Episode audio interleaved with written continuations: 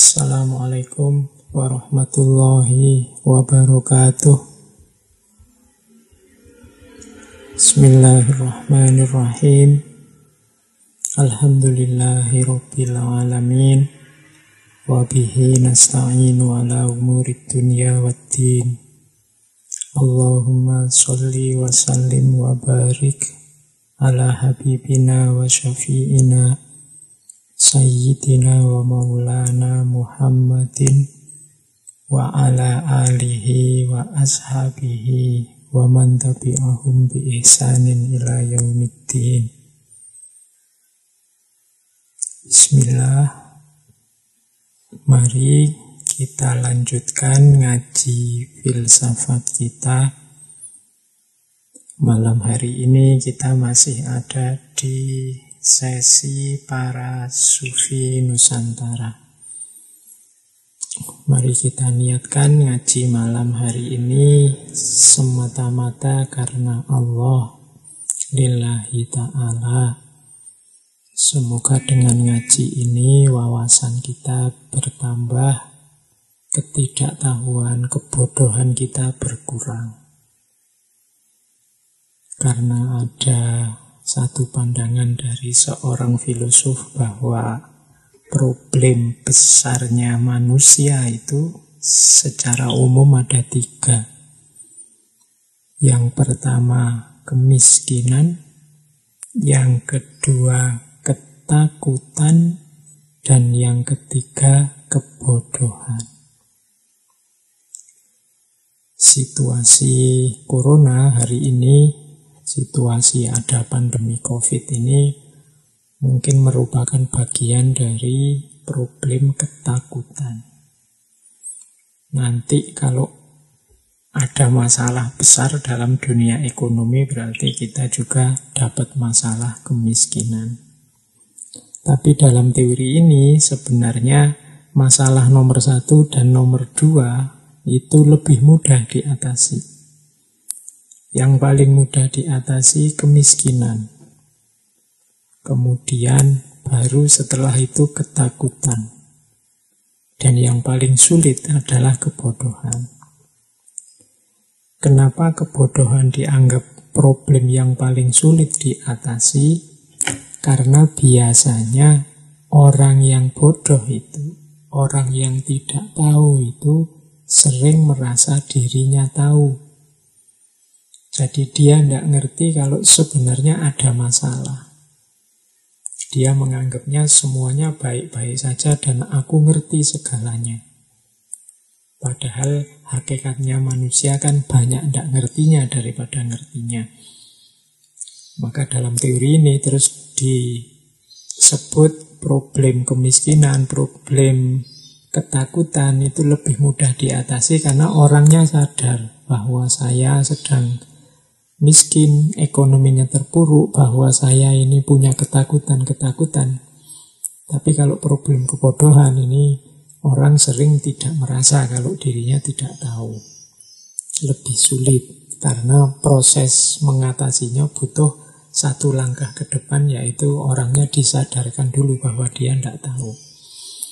Nah, semoga ngaji kita yang sudah sekian ratus sesi bisa sedikit-sedikit nyumbang untuk menyadarkan kita bahwa ternyata kita banyak tidak tahunya daripada tahunya.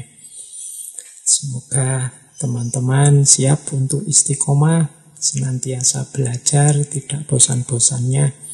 Insya Allah nanti kalau kita istiqomah belajar akan mendapatkan barokah dan karomahnya ilmu. Bismillah, kita mulai tema kita malam hari ini yaitu sowan pada beliau Kanjeng Sunan Bonang. Ini salah satu tokoh dari generasi Wali Songo sekitar abad 14 sampai abad 16. Dulu kita pernah membahas juga salah seorang tokoh dari Wali Songo yaitu Kanjeng Sunan Kalijogo. Malam ini kita temui salah seorang sahabat Sunan Kalijogo, bahkan juga gurunya, yaitu Kanjeng Sunan Bonang. Istilah Sunan ini kependekan dari susuhunan. Susuhunan itu berarti kalau diartikan letterlet itu tempat menerima susunan. Yang dimaksud susunan itu susunan lima jari. Jadi kalau teman-teman lihat posisi orang sedang menyembah kemudian lima jarinya diadungkan saling menempel, nah itu namanya susuhunan. Kalau lihat emojinya, emotikonnya WA yang teman-teman sering ngasih gambar telapak tangan dua nempel, nah itu sebenarnya posisi susuhunan. Biasanya diberikan pada orang yang sangat dihormati. Susuhunan kemudian disingkat jadi sunan.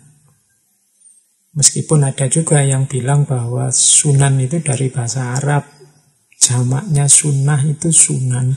Berarti beliau-beliau para wali ini adalah orang-orang yang gemar dan cinta menjalankan sunnah-sunnah dalam agama. Ya monggo yang disetujui yang mana tapi yang jelas para wali ini punya jasa yang sangat besar bagi masyarakat Nusantara. Kalau wali songo ya khususnya di Pulau Jawa karena dalam jangka waktu 2 sampai 3 abad mereka bisa memasukkan Islam di hampir 80% wilayah Jawa. Oke. Ya meskipun hari ini kan ada juga orang-orang yang setengahnya meragukan apa ya beneran ada wali songo. Kalau para walinya pasti ada, peninggalannya banyak, makam-makamnya di mana-mana. Tapi nanti tafsir terhadap satu lembaga atau satu institusi yang dikenal dengan nama Wali Songo ini macam-macam. Silahkan teman-teman cari di buku-buku ada tentang perdebatan makna wali songo. Ada yang bilang songo itu ya angka. Berarti ada semacam dewan wali yang jumlahnya sembilan. Yang nanti ini kalau ada salah satu meninggal ya diganti wali yang lain. Dewan ini punya misi khusus, punya tugas khusus. Ada yang bilang songo itu istilah sebenarnya dari bahasa Buddha, Sangha. Ada yang bilang songo itu dari bahasa Arab sana, yang artinya mulia. Jadi wali songo itu wali-wali yang dimuliakan. Oke, kita malam ini tidak membahas kontroversi itu. Yang jelas mereka adalah orang-orang mulia yang jasanya sangat besar. Mereka yang membawakan cahaya ke tanah Jawa dengan ajaran Islamnya. Oke, baik. Langsung saja kita berkenalan dengan beliau Kanjeng Sunan Bonang. Ini beliau ini termasuk keluarga para wali. Mbah buyut beliau itu generasi awal wali yang menyebarkan Islam ke tanah Jawa. Teman-teman mungkin pernah mendengar nama Syekh Jumadil Kubro atau ada yang menyebut nama beliau aslinya adalah Syekh Jamaluddin Akbar Al-Husaini. Ini seorang ulama besar yang berasal dari Samarkand. Samarkand itu kalau sekarang wilayah Uzbekistan, Asia Tengah. Termasuk keturunan kanjeng Nabi, keturunan ke-10 dari Sayyidina Husain. Nah, Syekh Jumadil Kubro ini petilasannya banyak. Makamnya juga diklaim ada di beberapa tempat. Ya monggo lah kalau yang urusan kontroversi-kontroversi tidak kita bahas, tapi ada sosok ulama besar, wali besar awal namanya Syekh Jumadil Kubro yang dari Uzbekistan datang ke Jawa. Bahkan beliau ini tidak sendirian menyebarkan agama, tapi juga mengajak dua putranya. Yang pertama kita kenal Nama putranya adalah Syekh Maulana Malik Ibrahim dan yang kedua namanya Syekh Maulana Ishak. Nanti Syekh Maulana Ishak ini jadi ayahnya Sunan Giri. Nah, perjalanan dakwah bertiga ini kalau Syekh Jumatil Kubro ke Jawa nanti Syekh Maulana Malik Ibrahim awalnya ke Campa atau Cempa Sampai ini kalau hari ini wilayah Vietnam, bagian barat selatan. Dan Syekh Maulana Ishak ke Samudra Pasai. Nanti setelah 13 tahun di Campa, Syekh Maulana Malik Ibrahim meninggalkan keluarganya di sana berangkat dakwah ke Jawa menyusul ayahnya. meninggalkan dua putra beliau di Campa. Yang pertama namanya Sayyid Ali Rahmatullah atau nanti dikenal sebagai Raden Rahmat dan nantinya dikenal sebagai Sunan Ampel. Dan yang kedua Sayyid Ali Murtado atau Raden Santri. Nah, ini ceritanya mungkin sudah banyak referensi di mana-mana. Silahkan teman-teman kejar detailnya.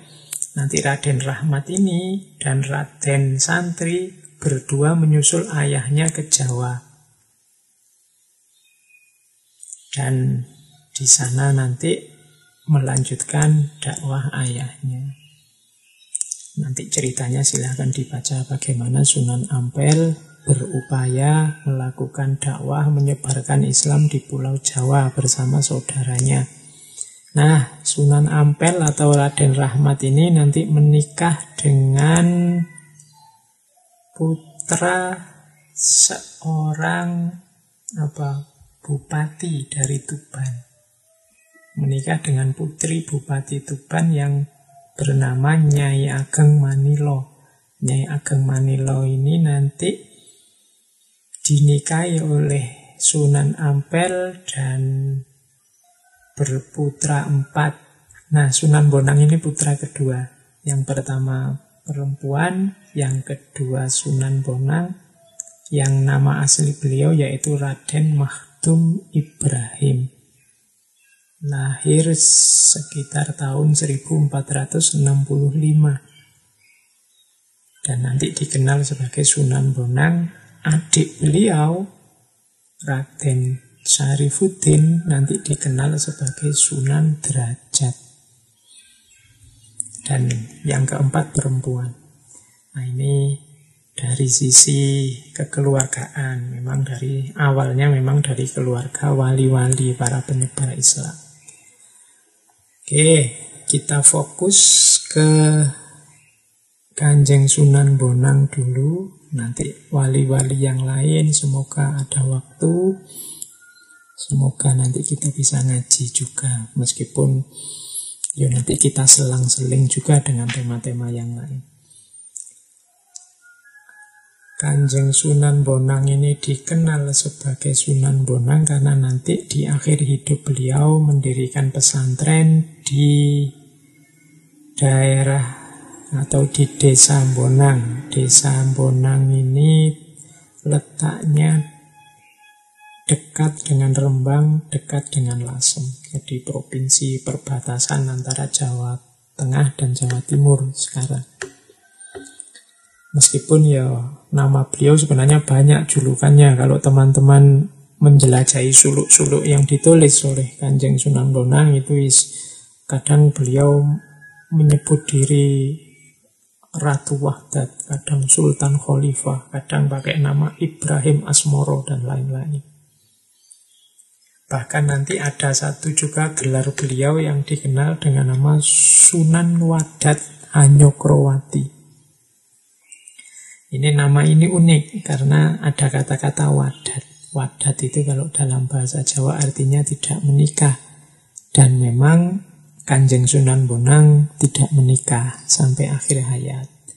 Lebih fokus pada ilmu dan momong umat.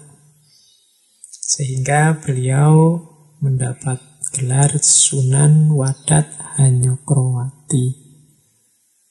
Nah, dari sisi keilmuan, Sunan Bonang ini belajar tentunya pertama-tama dari ayahanda beliau sendiri, Sunan Ampel. Nah, waktu belajar pada Sunan Ampel ini beliau sak kelas, kalau pakai bahasa hari ini satu kelas dengan Sunan Giri, satu kelas dengan Raden Patah dan juga Raden Kusen. Nanti melanjutkan studi ke Pasai, ke Samudra Pasai. Jadi rencananya beliau ini mau naik haji bareng Raden Paku, Raden Paku Sunan Giri.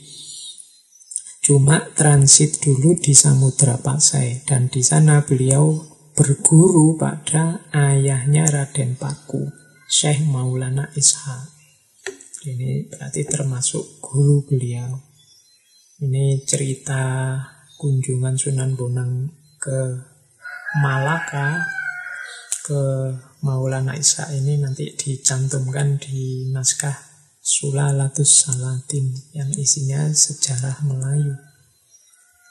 Nah, nantinya ini semacam biografi beliau sepulang dari berguru, sepulang dari Mekah, Sunan Bonang ini ditugaskan oleh ayahanda beliau untuk berdakwah ke Kediri. Nanti beliau tinggal di desa Singkal, tinggal di masjid di sana, daerah Ndoho Kediri.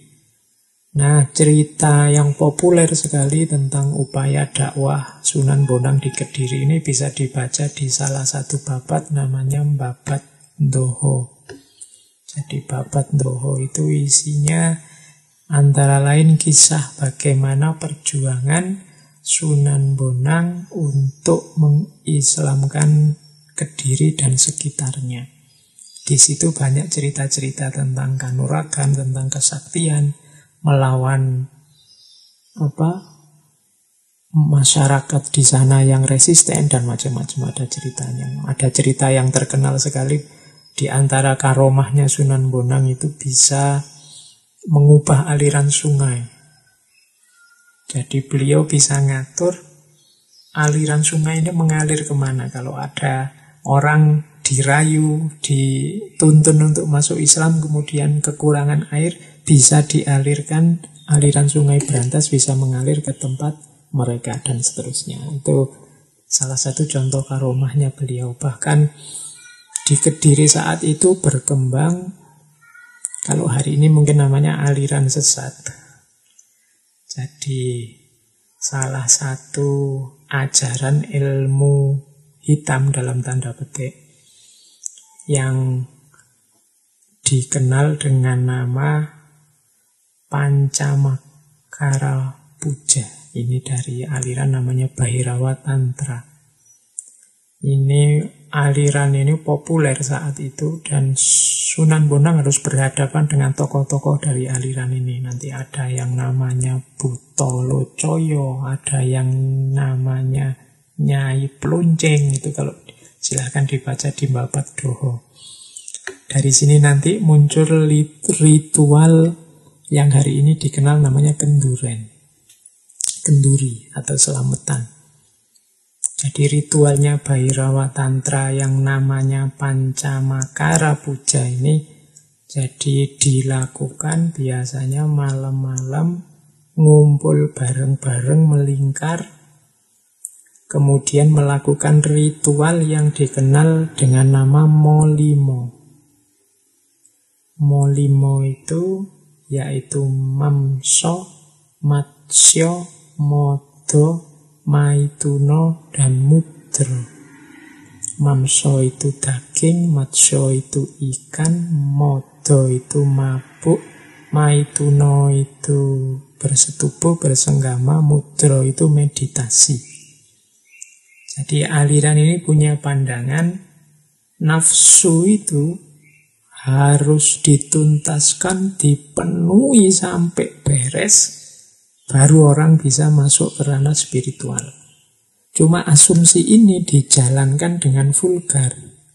Jadi dalam ritual itu kemudian bersama-sama makan daging, bersama-sama makan ikan. Oh, ini kan nafsu makannya dipenuhi, pokoknya sampai kenyang sekenyang-kenyangnya. Kemudian mabuk, minum-minum sampai mabuk. Bahkan kemudian saat mabuk melakukan apa persetubuhan masal, persenggamaan masal, maituno tadi. Jadi ini pokoknya menghabiskan hasrat menuntaskan nafsu dengan cara mereka yang dikenal molimo itu. Asumsinya kalau sudah begini nafsu akan selesai, lemah, tidak mengganggu lagi. Baru setelah itu mudro, meditasi. Nah, Sunan Bonang berhadapan dengan aliran yang semacam ini. Oleh Sunan Bonang, tradisi ini kemudian disaingi. Sunan Bonang bikin halakoh juga dengan pengikut beliau masyarakat desa yang ngumpul-ngumpul juga di situ ada makanan juga mungkin ayam mungkin nasi tumpeng dan macam-macam disiapkan di situ kemudian berdoa bersama kemudian makan-makan bersama nanti ini dikenal belakangan dengan nama kenduren Katanya kata kenduren itu dari bahasa Persia, kanduri. Kanduri yang artinya makan-makan. Ini sehingga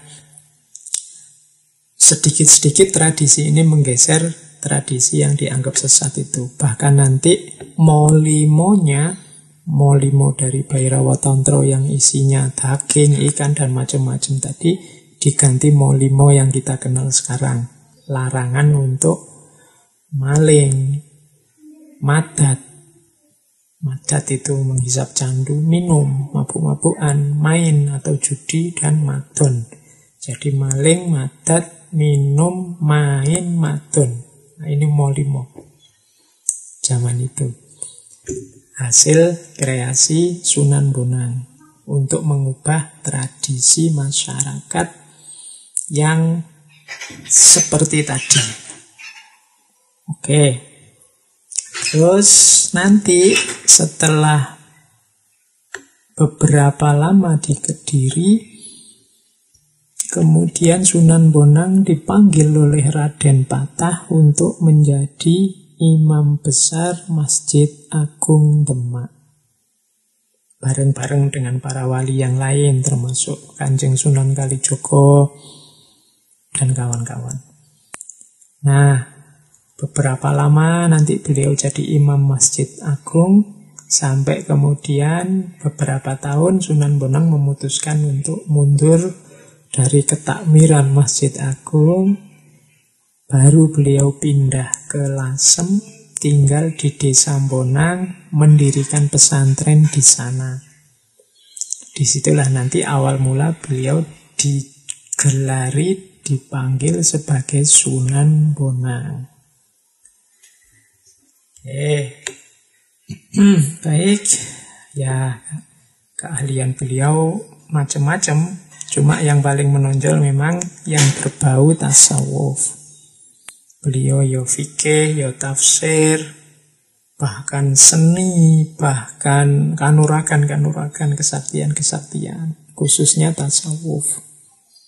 Kalau cerita-cerita tentang karomah beliau banyak di banyak sumber teman-teman silahkan dicari. Tapi insya Allah keyakinan kita, kepercayaan kita terhadap kemuliaan ajaran yang dibawa oleh Sunan Bonang tidak harus kita banyak cerita tentang karomahnya. Oke teman-teman kita mulai masuk ke ngaji kita terhadap beberapa saja ajaran Sunan Bonang. Paling tidak untuk mancing-mancing biar teman-teman tertarik untuk buka-buka menggali-gali khazanah lama. Karena orang-orang hari ini tuh kadang-kadang gaya merasa dirinya yang lebih mampu membaca realitas masyarakat di sekelilingnya. Menganggap referensi-referensi lama itu kurang relevan lagi untuk dipakai hari ini. Tapi mereka-mereka ini, para wali, para ulama yang dulu berjuang juga di tempat kita hari ini tinggal, juga bukan orang yang sama sekali tidak ngerti tentang tempat kita tinggal ini, tentang Jawa, tentang Indonesia, tentang Nusantara. Pasti dalam banyak karya-karya mereka terkandung hal-hal yang bermanfaat untuk kita. Apalagi mereka ini aulia, wali-wali, orang-orang yang dicintai oleh Allah. Siapa tahu dari karya-karya mereka ini nanti kita bisa ketemu banyak hal yang relevan untuk pertumbuhan spiritual kita, untuk kehidupan sosial kita, untuk harmoni budaya kita, dan macam-macam. Maka itulah gunanya kita buka-buka, kita bongkar-bongkar lagi karya-karya mereka. Ini PR bagi kita, maka di ngaji filsafat bulan ini kan saya tunjukkan kitabnya, silahkan dijelajahi sendiri. Kita hanya mancing-mancing menunjukkan sedikit-sedikit mengingat waktunya. Baik, kita mulai untuk membahas apa yang dibawa termasuk ajaran-ajaran yang disampaikan oleh Kanjeng Sunan Bonang. Yang jelas, yang istimewa dari perjuangan para sunan ini adalah cara mereka memperkenalkan dan memasukkan Islam ke tengah masyarakat dengan cara yang sangat halus. Sama sekali tidak ada kekerasan sama sekali, tidak menimbulkan kontroversi-kontroversi besar. Sebagaimana dulu pernah kita kaji dalam sesi Sunan Kalijogo, ada dua prinsip yang dipakai oleh para wali, yaitu yang pertama adalah tutwuri handayani, dan yang kedua tutwuri hangiseni. Tutwuri Handayani itu mengikuti dari belakang. Kalau orang mengikuti dari belakang itu kan berarti dia tidak merentah-merentah, tidak mengarahkan. Orang yang jalan di belakang itu monggo yang depan mau ke mana silahkan. Tapi tidak sekedar mengikuti, namun juga handayani. Handayani itu memberdayakan. Jadi ikut jalan dari belakang tapi sambil ngajari biar yang depan berdaya, yang depan pinter milih arah, yang depan tidak tersesat jalannya. Itu namanya tuturi handayani. Jadi nantinya mereka mau ke mana, itu diajari dari belakang, tapi biarkan mereka jalan sendiri. Tidak diseret, tidak apa disetir dari depan. Itu namanya tuturi handayani. Jadi orang dengan kesadarannya sendiri milih kebenaran, milih kebaikan. Nah, itu namanya tuturi handayani. Yang kedua tuturi hangiseni. Tuturi hangiseni ini mirip dengan handayani tadi, mengikuti dari belakang sambil mengisi, nambah wawasan, nambah ilmu, nambah pengetahuan. Sehingga yang di depan ini pinter, terus bisa jalan sendiri ke arah yang benar. Itu namanya tuturi hangiseni. Tidak berdiri di depan, kemudian merentah-merentah, nyuruh-nyuruh, bahkan marah-marah, maksa orang ikut dia. Tapi berdiri di belakang sambil mengisi dengan wawasan-wawasan kebenaran, kebaikan, keindahan, sehingga yang di depan sadar terus mereka milih rute perjalanan yang benar. Jadi ini prinsip strategi dakwah yang dilakukan oleh para wali zaman dulu. Jadi dakwah yang tidak menimbulkan konflik, dakwah yang tidak melahirkan masalah. Dakwah itu kan sebenarnya memberi solusi kebenaran, solusi kebaikan. Jangan sampai dakwah kita malah melahirkan problem baru. Kalau pakai bahasa pepatah ya mengambil airnya, mengambil ikannya tapi jangan sampai keruh airnya. Itu strategi dakwah yang kedua. Nah untuk melakukan ini para wali banyak menggunakan media seni. Hmm. Seni ini kan lebih halus. Seni ini kan lebih mudah masuk ke tengah masyarakat. Yo kalau zaman dulu seni ini gamelan, wayang, dan lain-lain. Yo monggo hari ini kalau memang dibutuhkan mode dakwah semacam ini, ya teman-teman harus menguasai seninya. Kalau dulu medianya gamelan, mungkin sekarang yo mediane film, sinetron, YouTube, Instagram, dan macam-macam. Monggo gunakan itu untuk yang positif sebagai wadah. Kalau zaman dulu para wali ya pakai wayang, pakai tembang, pakai suluk, gamelan.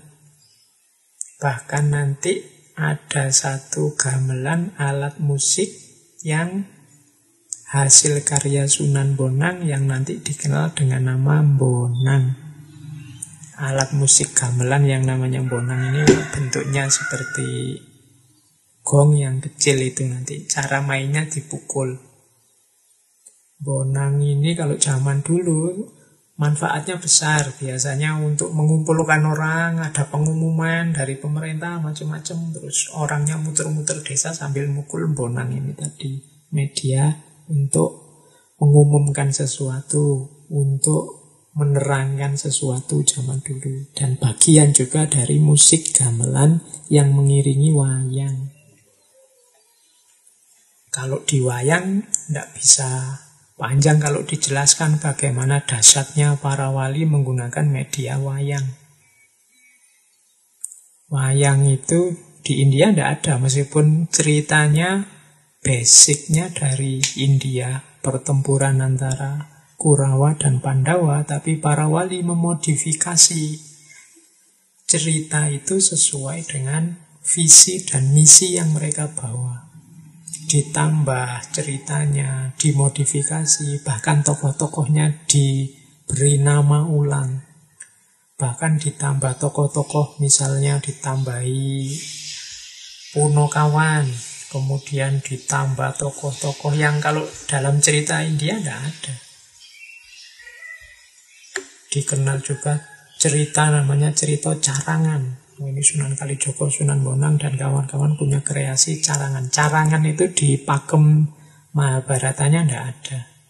Misalnya cerita tentang kalau dulu Sunan Kalijogo ada Dewa Ruci, Kemudian masih ada cerita tentang Petruk dadi ratu, masih ada cerita layang Kalimosodo, ada cerita Semar barang jantur, ada cerita Begawan Ciptoning, ada cerita Wahyu Widayat, macam-macam. Hasil kreasi para wali. Termasuk tokoh-tokoh tambahan para punokawan tadi, Gareng, Petruk, Bagong, Semar, Oh ini hari ini banyak buku-buku yang membahas tentang sufisme dalam wayang yang nanti ditafsir misalnya Gareng Petruk Bagong Semar itu sebenarnya simbol dari kondisi jiwa manusia. Gareng ini simbolnya nafas yang amarah, Petruk simbolnya nafas yang lawamah, Bagong simbolnya nafas yang mulhamah, sufiyah, dan semar ini simbolnya nafas yang mutmainah. Ada yang nafsir punokawan ini sebenarnya simbol dari suluk. Makanya namanya gareng. Gareng itu diambil dari korin, nala korin. Nala korin itu dapat teman. Ini mungkin tafsir dari Amar Ma'ruf mengajak yang baik mencari teman. Kemudian Petro, Petro dipandang sebagai simbol dari kata-kata fatruk masih wallah. Tinggalkan semua yang bukan Allah, semua yang tidak sesuai ajarannya. Mungkin setara dengan konsep nahi mungkar. Terus baho, baho ini artinya membangkang, memberontak, mengalahkan mungkin bisa ditafsirkan mengalahkan hawa nafsu. Jadi untuk bisa menjalankan menjalani jalan sufi kita butuh melakukan yang ma'ruf, meninggalkan yang mungkar, mengalahkan hawa nafsu. Pada akhirnya agama kita akan kokoh, tuntas, dan membuahkan sesuatu yang kita sebut kasyaf, makrifat, dan seterusnya. Nah, buah atau kekokohan itu kalau pakai bahasa Arab, buah itu simar. Atau kalau itu kokoh, kokoh yang karena paku. Paku itu bahasa Arabnya simar juga, paku. Jadi terus ini simbol dari semar dan seterusnya. Ini salah satu contoh modifikasi yang dilakukan oleh para wali. Semoga khazanah-khazanah semacam ini tidak hilang, tidak dilupakan oleh generasi masa kini. Baik, malam hari ini kita tidak sibuk di situ. Malam hari ini kita sedikit-sedikit akan menengok karya-karya Sunan Bonang khususnya yang dalam bentuk suluk. Ya kalau suluk kata-katanya jelas ya kata-kata suluk itu sangat dekat dengan dunia tasawuf, dunia sufi. Salaka ya seluku, salaka ya seluku itu berjalan. Jadi kalau ada sastra yang jenisnya suluk itu biasanya petunjuk isinya petunjuk untuk bagaimana cara kita berjalan menuju Allah atau jalan sufi. Kanjeng Sunan Bonang punya banyak karya suluk. Meskipun beliau juga selain suluk, juga banyak tembang, banyak lagu-lagu. Beliau keahliannya salah satunya itu nembang. Kalau nembang suaranya menghanyutkan meskipun hanya diiringi dengan bonang ada cerita Kanjeng Sunan Bonang ini menaklukkan perampok hanya dengan tembang. Jadi satu ketika beliau ini sedang nembang bersama murid-muridnya, kemudian diserang oleh perampok. Nah, para perampok ini ingin merampas hartanya Kanjeng Sunan Bonang dan murid-muridnya pastinya. Untuk melawan para perampok ini Kanjeng Sunan Bonang terus nembang, nembang lagu Durmo. Begitu Kanjeng Sunan Bonang menembang, ini para perampok ini tidak bisa bergerak. Jadi diam di tempatnya kaku. Sampai Sunan Bonang mengakhiri tembangnya dan mereka kembali lagi bisa bergerak dan bertobat tidak jadi ngerampok. Termasuk kalau teman-teman ingat salah satu tembang yang sering kemarin-kemarin kita ucapkan yaitu tembang Tombo Ati. Nanti coba kita bahas yang Tombo Ati ini karena tembang Tombo Ati ini salah satu yang dibawa oleh Kanjeng Sunan Bonang dikenalkan ke masyarakat Jawa yang Tombo Ati ada lima, yang hari ini ada banyak versi lagunya, banyak versi musiknya. Kalau suluk, Sunan Bonang punya beberapa karya suluk yang luar biasa. Hanya memang sayangnya banyak di antara karya-karya penting ini hari ini jadi koleksi di Belanda sana di Amsterdam. Hanya beberapa yang kita bisa menikmati di Indonesia hari ini. Tapi insya Allah nanti pada saatnya juga kita bisa mengakses. Jadi suluk-suluk yang paling terkenal yang pertama mungkin teman-teman masih ingat ada suluk ujil. Nanti kita bahas ya suluk ujil ini kita ungkap sedikit-sedikit isinya apa. Kemudian ada suluk khalifah. Suluk khalifah ini isinya kisah dari Sunan Bonang tentang perjalanan beliau mencari ilmu ke Malaka yang tadi sempat saya singgung sedikit. Ada suluk kadersan, ada suluk regul, ada suluk bentur, ada suluk wasiat, ada suluk pipiringan, ada suluk jebeng, dan lain-lain. Ya nanti silahkan teman-teman yang tertarik untuk mendalami ajaran-ajaran Kanjeng Sunan Bonang silahkan banyak ajaran beliau ditulis dalam bentuk suluk dan isinya sebagian besar merupakan petunjuk dan kisah pengalaman beliau menjalani jalan sufi menjalani suluk. Makanya judulnya sebagian besar ya memang suluk. Baik, kita tengok ya beberapa kita awali dari salah satu karya beliau yang paling unik. Ini satu-satunya karya yang bentuknya prosa. Yang lain kan modelnya suluk. Kita awali, ini karya ini kadang orang menyebutnya kitab bonang, kadang menyebutnya primbon bonang. Atau kalau di barat dikenal dengan istilah atau beberapa juga menyebutnya naskah ini judulnya adalah Pitutur Syekh Bahari. Kita awali dari ini saja ya, nanti yang wujil yang agak belakangan. Jadi ini kitab ini, buku ini satu-satunya yang coraknya prosa, tidak seperti suluk-suluk yang lain. Isinya dialog, tanya jawab antara guru murid gurunya namanya Saiful Rijal, eh muridnya namanya Saiful Rijal, gurunya namanya Syekh Bari. Ada yang bilang ini sebenarnya kiasan Saiful Rijal ini ya Sunan Bonang sendiri dan gurunya ini adalah seorang guru yang berasal dari Pasai.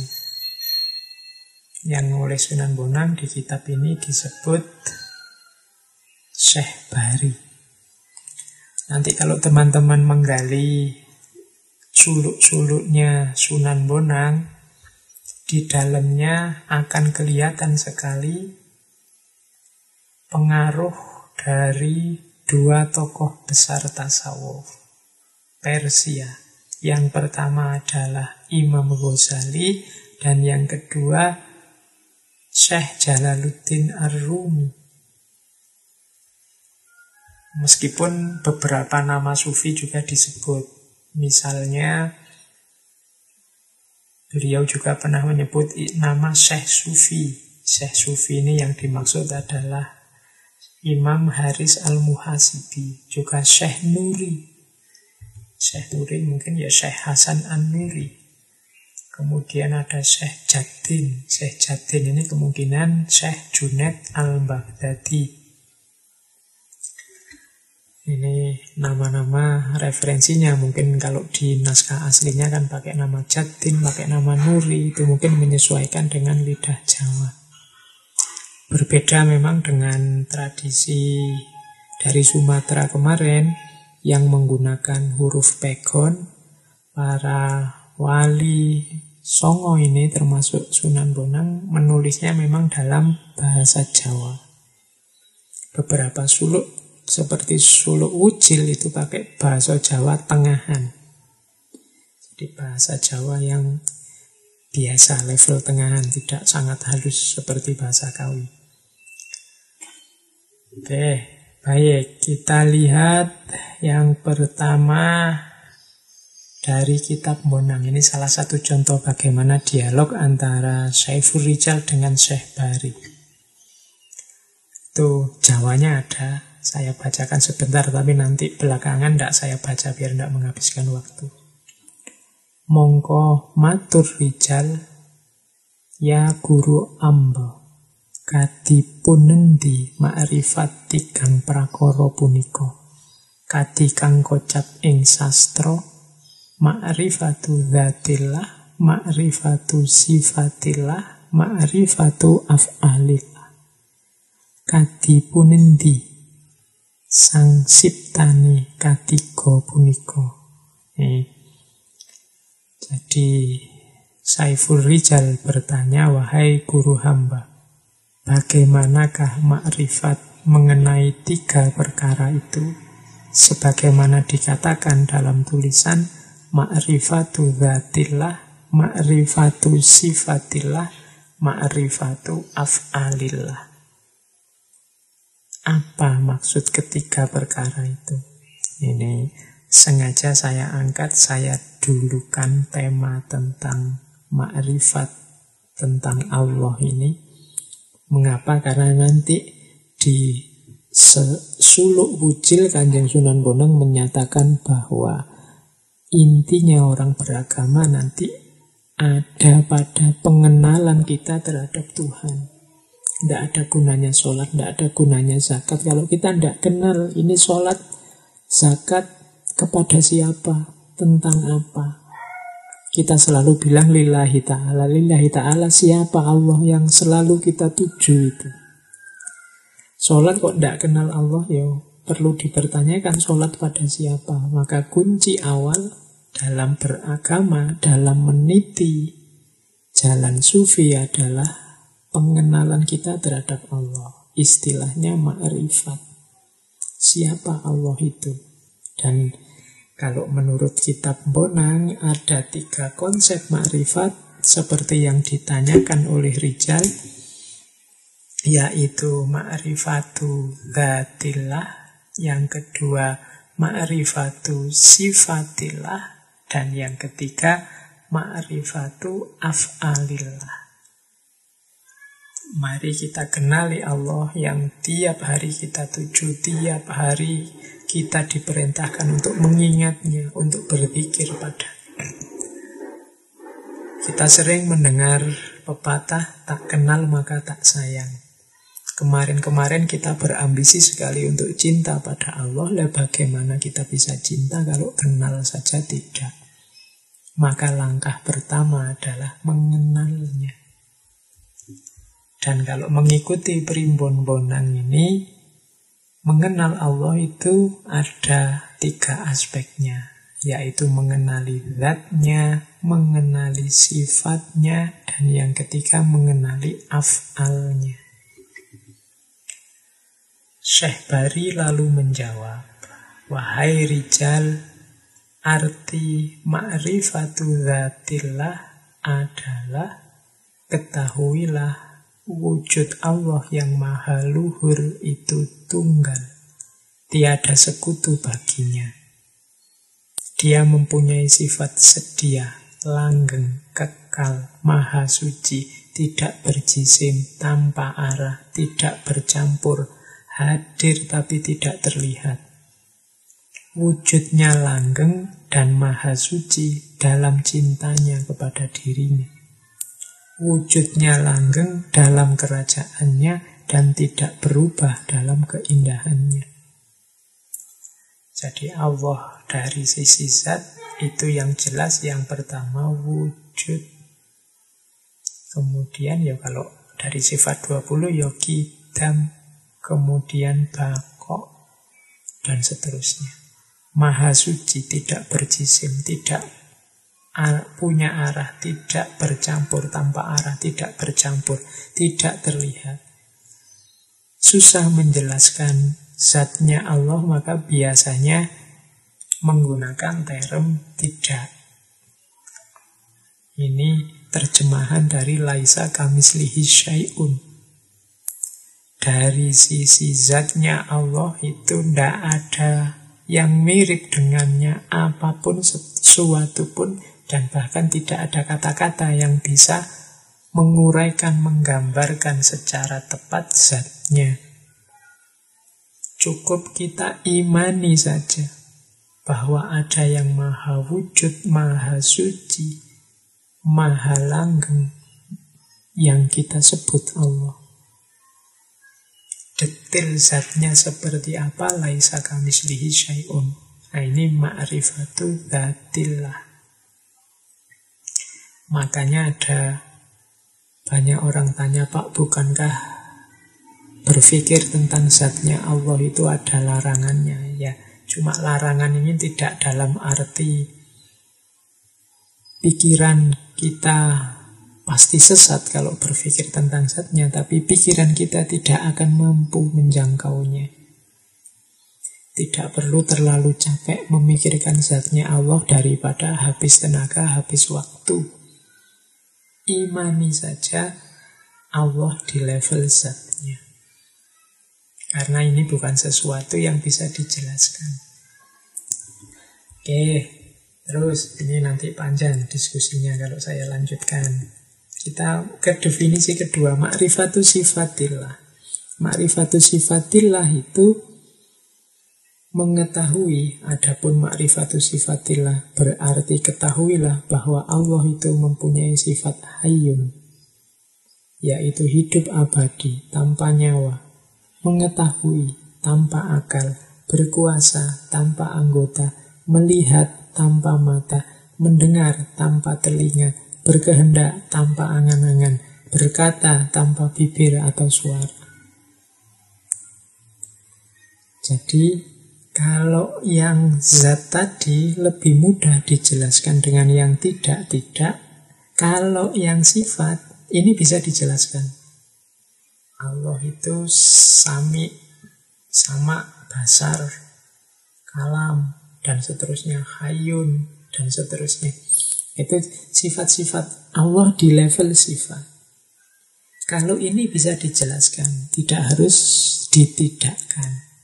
Tapi tetap kita tidak bisa menjelaskan detailnya karena tidak sama dengan manusia.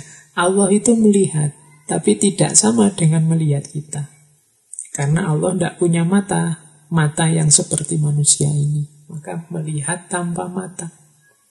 Allah mendengar. Wong di antara sifatnya Allah itu sama. Tapi jangan digambarkan mendengarnya Allah seperti mendengarnya manusia. Tanpa telinga. Karena Allah tidak punya telinga seperti telinganya manusia. Tidak bisa digambarkan seperti itu.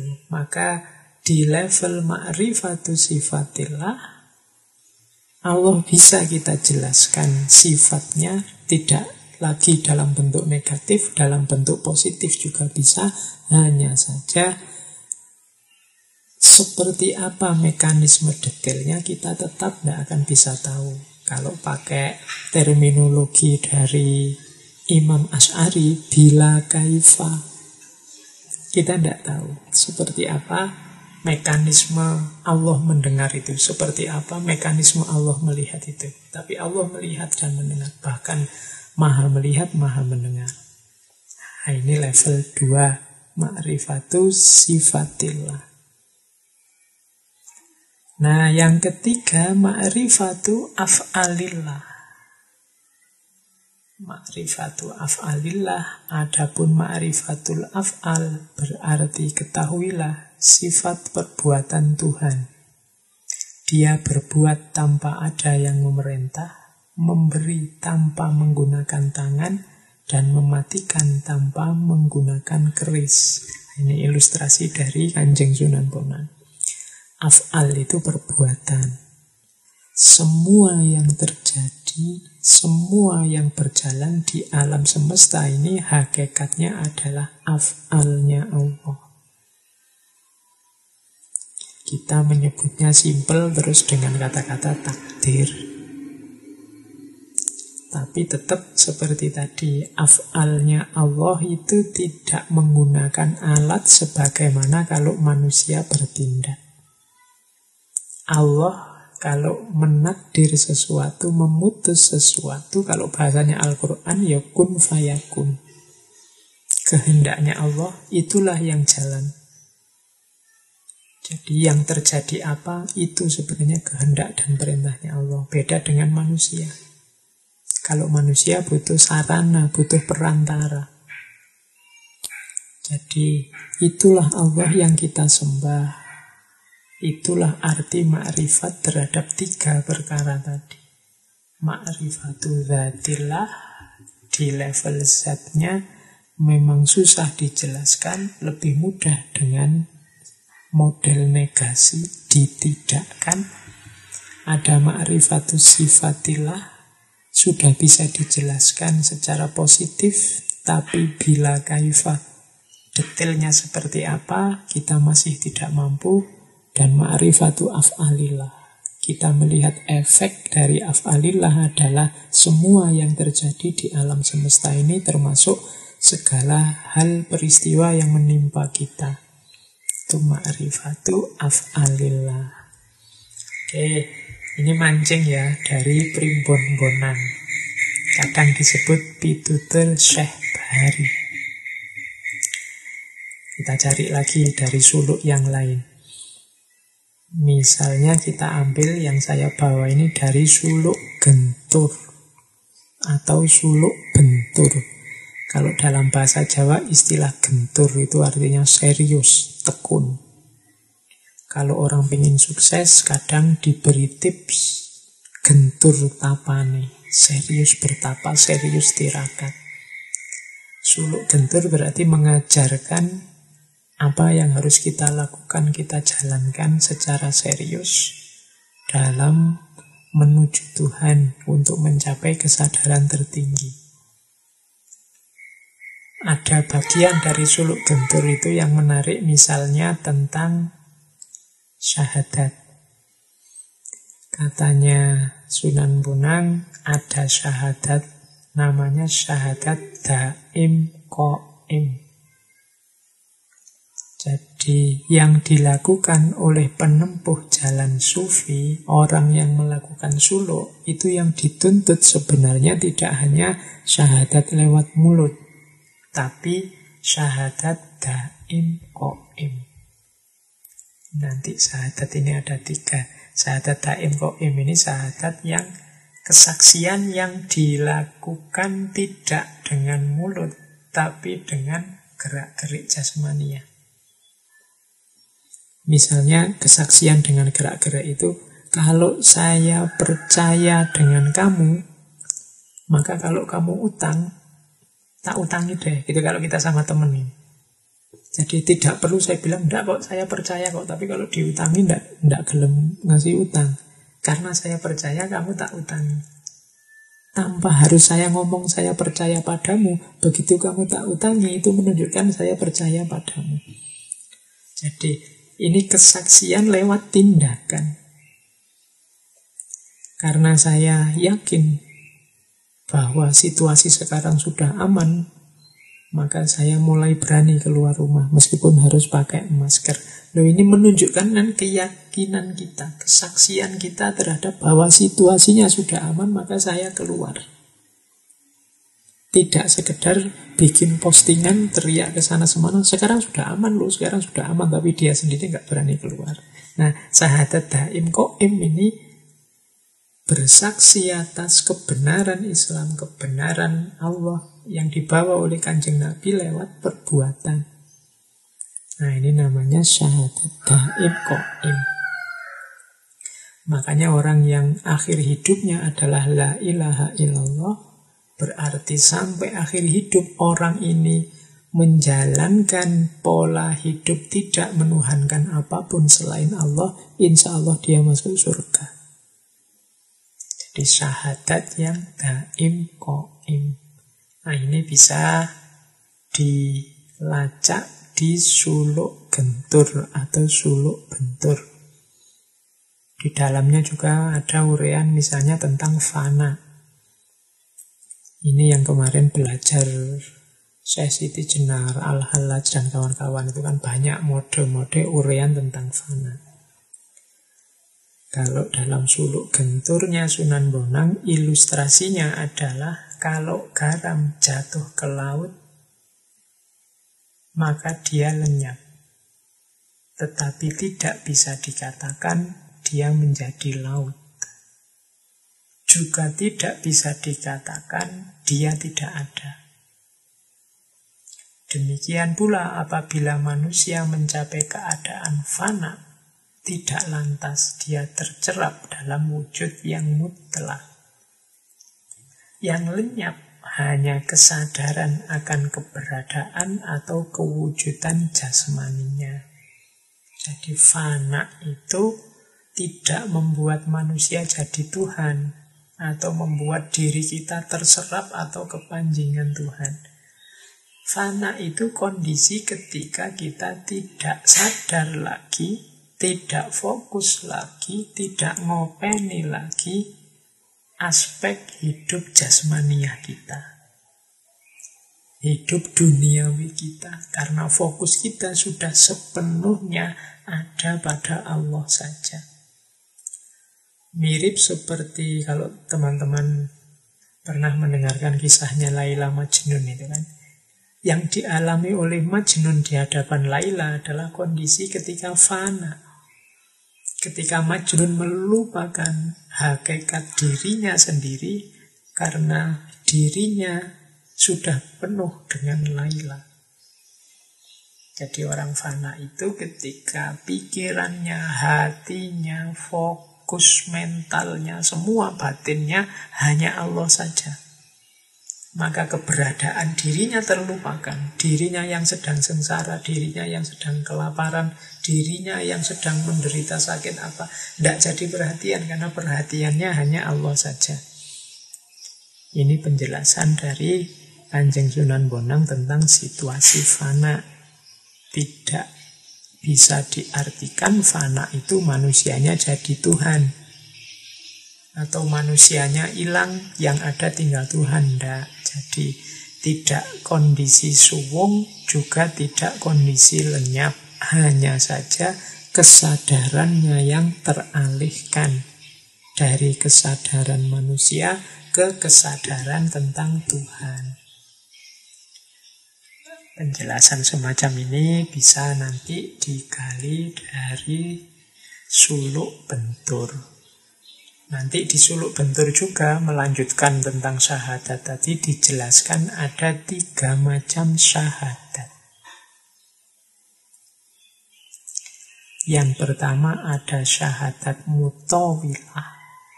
Yang kedua ada syahadat mutawasitoh. Yang ketiga ada syahadat mutahhiroh. Ini di suluk bentur. Syahadat kita itu sebagai seorang muslim melaksanakan tiga syahadat ini. Yang pertama mutawilah. Mutawilah itu syahadat dulu ketika kita belum dilahirkan ke dunia ini. Silahkan teman-teman dibuka ayat Al-Quran yang bunyinya Alastu birobbikum Qalu bala syahidna. Ini dulu sebelum kita lahir, Allah bertanya pada kita, bukankah aku ini Tuhanmu? Terus roh kita yang belum turun ke dunia bersaksi, Qalu bala syahidna, iya. Kami bersaksi. Ini kan juga syahadat, bersaksi. Jadi dulu kita sudah mem yakini dan bersaksi bahwa Allah lah Tuhan satu-satunya. Terus kita turun ke muka bumi. Kita dilahirkan. Nah saat lahir begitu mampu berpikir, punya kesadaran, masuk ke syahadat yang mutawasito. Kita mendeklarasikan diri Ashadu an la ilaha illallah wa ashadu anna Muhammad Rasulullah. Nah ini syahadat yang mutawasito. Level 2. Dulu bersaksi sebelum kita lahir dan sekarang bersaksi setelah kita lahir. Tapi jangan lupa syahadat yang ketiga, syahadat mutaakhirah. Ini syahadat ini jelas dilakukan oleh para nabi, para wali, dan orang mukmin yang sejati. Syahadat mutaakhiro itu mirip syahadat daim koim tadi. Tidak cukup kita hanya deklarasi tiada Tuhan selain Allah dan Nabi Muhammad adalah Rasulnya, utusannya. Tapi kita jalankan hidup yang menomorsatukan Allah dan mengikuti sunnahnya kanjeng Nabi. Ini namanya syahadat mutaakhirah. Kalau kita menyatakan bahwa satu-satunya Tuhan hanya Allah, ya hidup kita hanya satu-satunya yang kita pertuhankan ya Allah. Kalau kita menyatakan bahwa Kanjeng Nabi Muhammad adalah utusannya berarti hidup kita kita orientasikan untuk mengikuti petunjuk dari kanjeng Nabi karena kanjeng Nabi itu utusannya. Kita ikuti sunnah-sunnahnya. Nah, ini namanya syahadat mutaakhirah. Dulu kita bersyahadat, kemudian ketika turun ke dunia kita juga sudah syahadat, tapi sempurna syahadat kita kalau juga tidak hanya dinyatakan syahadat itu tapi juga dijalankan. Kalau di suluk bentur kemudian dijelaskan bila mana tiga syahadat ini dipadukan menjadi satu, maka dapat diumpamakan seperti kesatuan antara tindakan menulis, tulisan, dan lembaran kertas yang mengandung tulisan itu. Juga dapat diumpamakan seperti gelas, isinya, dan gelas apa bening gelasnya, kacanya, kemudian isinya gelas dan penuhnya gelas. Tadi yang syahadat sebelum kita lahir itu seperti kertasnya. Kemudian ketika kita bersyahadat asyhadu alla ilaha illallah yang mutawasitoh tadi itu seperti ketika kita menulis. Kemudian ketika kita menjalankan syahadat tadi, itu seperti tulisannya. Jadi terus sempurna. Yo ada kertasnya, yo ada tindakan menulis, dan ada tulisannya. Jadi kalau gelas, gelasnya itu adalah syahadat waktu kita belum lahir, Kemudian isinya adalah syahadat mutawasitoh yang kita menyatakan beriman pada Allah dan mengikuti Rasulnya dan penuhnya gelas itulah syahadat mutaakhirah waktu kita menjalankan. Jadi setelah tadi mengenal Allah Makanya saya bilang ngaji kita ini kita bikin skenario sendiri, kita bikin sekuen sendiri untuk merumuskan suluk atau jalan sufi. Yang pertama tadi kita ambil dari Syekh Bari di Primbon Monan bahwa kita harus mengenal dulu, ngerti ilmunya dulu tentang Allah, baik zatnya, sifatnya maupun afalnya. Setelah itu bersaksi atau syahadat, baik syahadat yang mutawilah sebelum lahir kalau ini otomatis maupun syahadat yang mutawasito saat kita sudah ada di dunia kalau kita hari ini muslim insya Allah sudah kita lakukan. Dan yang ketiga yang mutaakhirah mewujudkan syahadat kita dalam kehidupan sehari-hari. Kalau yang ketiga yang mutaakhirah ini dulu waktu kita ngaji tentang Kanjeng Sunan Kalijogo kan ada cerita tentang santrinya Kanjeng Sunan Kalijogo yang namanya Syekh Jangkung. Syekh Jangkung ini suatu ketika mengikuti murid-murid yang lain mengikuti ujian tentang syahadat. Jadi semua murid diuji untuk bersyahadat. Murid-murid yang lain dengan fasihnya melafalkan asyhadu alla ilaha illallah wa asyhadu anna muhammad rasulullah. Pas gilirannya Syekh Jangkung, waktunya syahadat, beliau malah keluar ruangan, kemudian naik ke pohon kelapa yang paling tinggi dan menjatuhkan dirinya ke bawah. Oh, semua orang kaget. Begitu sampai di bawah, ditanya oleh Kanjeng Sunan, lo kamu disuruh bersahadat saja kok malah loncat dari pohon kelapa yang paling tinggi. Katanya saya jangkung, ya inilah syahadat saya.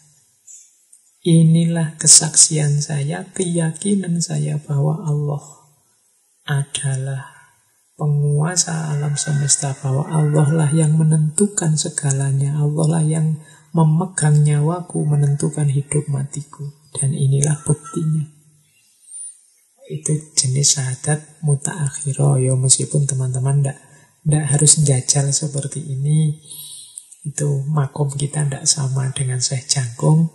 Tapi yang jelas mari kita tunjukkan dalam kehidupan kita sehari-hari bahwa hidup kita ini modenya adalah satu-satunya yang kita posisikan sebagai Tuhan adalah Allah dan yang kita ikuti adalah kanjeng Nabi Rasulullah. Berarti hidup kita sudah bersyahadat tidak sekedar mengucapkan syahadat. Oke, jadi setelah ma'rifat, kemudian syahadat, setelah itu ganti suluk. Kita mulai berjalan.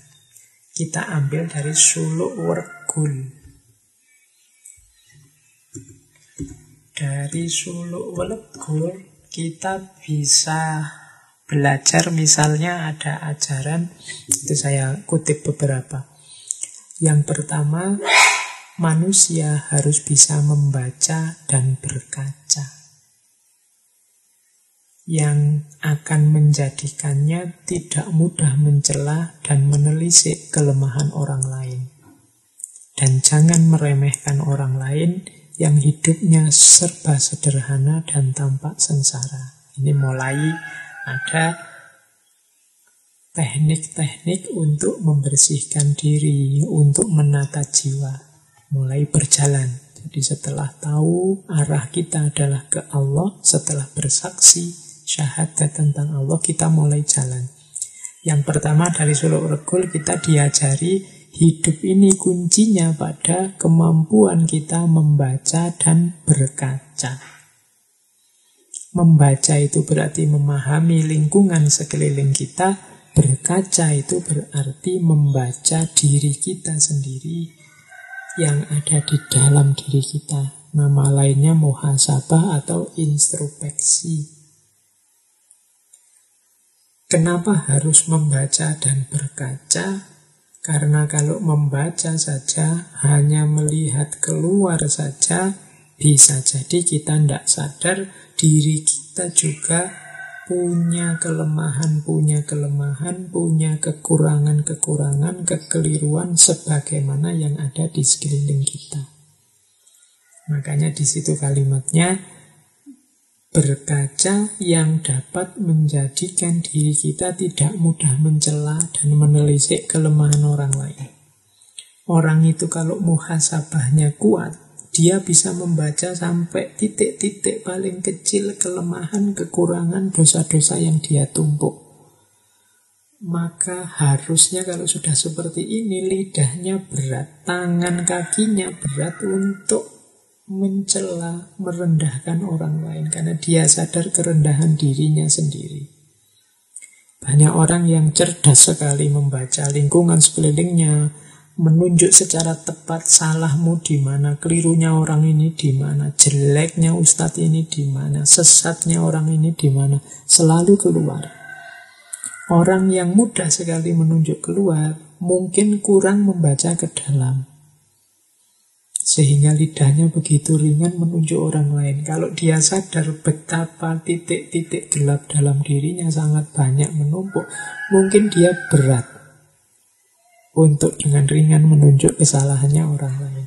Jalan sufi yang pertama dari Solo Urbul, Kanjeng Sunan Bonang menasehati kita itu. Ya, membaca keluar penting, tapi berkaca ke dalam juga penting. Jadi membaca dan berkaca. Mengkaji, ngaji, tapi sekaligus juga muhasabah. Oke, nasihat pertama. Nasihat yang kedua, manusia hendaklah selalu berjalan sepanjang jalan kejujuran. Apa yang diucapkan dan yang dilakukan harus selaras dengan suara hati. Dengan cara demikian, manusia akan mendapatkan terang batin dan petunjuk dari Tuhan. Nasihat yang kedua, jujur. Jujur ini kelihatannya sederhana, kita sering mengartikan jujur itu sekedar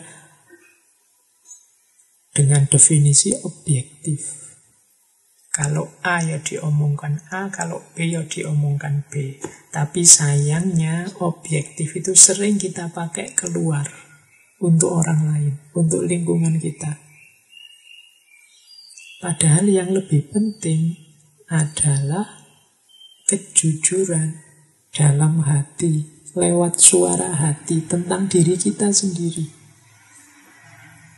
Jadi biar batin kita terang, yang pertama-tama apa? Jujurlah tentang batinmu sendiri, keinginanmu, hasratmu, hatimu. Kalau teman-teman mengikuti kajian-kajian kemarin-kemarin, termasuk Imam Ghazali dan para sufi yang lain kan, diteorikan bahwa hati yang terang adalah kunci dari jalan sufi, kuncinya suluk. Kapan hati ini terang? Ya kalau bersih dari kotoran-kotoran. Maka kejujuran kita tentang kotoran-kotoran kita ini nanti akan jadi kunci kesadaran kita untuk membersihkan kotoran-kotoran ini. Jadi didiklah dirimu untuk jujur bahkan terhadap dirimu sendiri. Kalau jelek ya ngomong aku jelek, aku salah, aku kemarin keliru. Mataku tak pakai lihat yang jelek-jelek, yang maksiat-maksiat. Telingaku sudah mendengar yang nggak beres, nggak beres. Mulutku sudah mengucapkan yang tidak seharusnya. Jempolku sudah memposting yang mungkin itu menyakiti yang lain. Ini kejujuran-kejujuran terhadap diri. Kalau sudah ngerti, bersihkan ini segera. Karena kuncinya, terangnya batin kita itu bersihnya hati.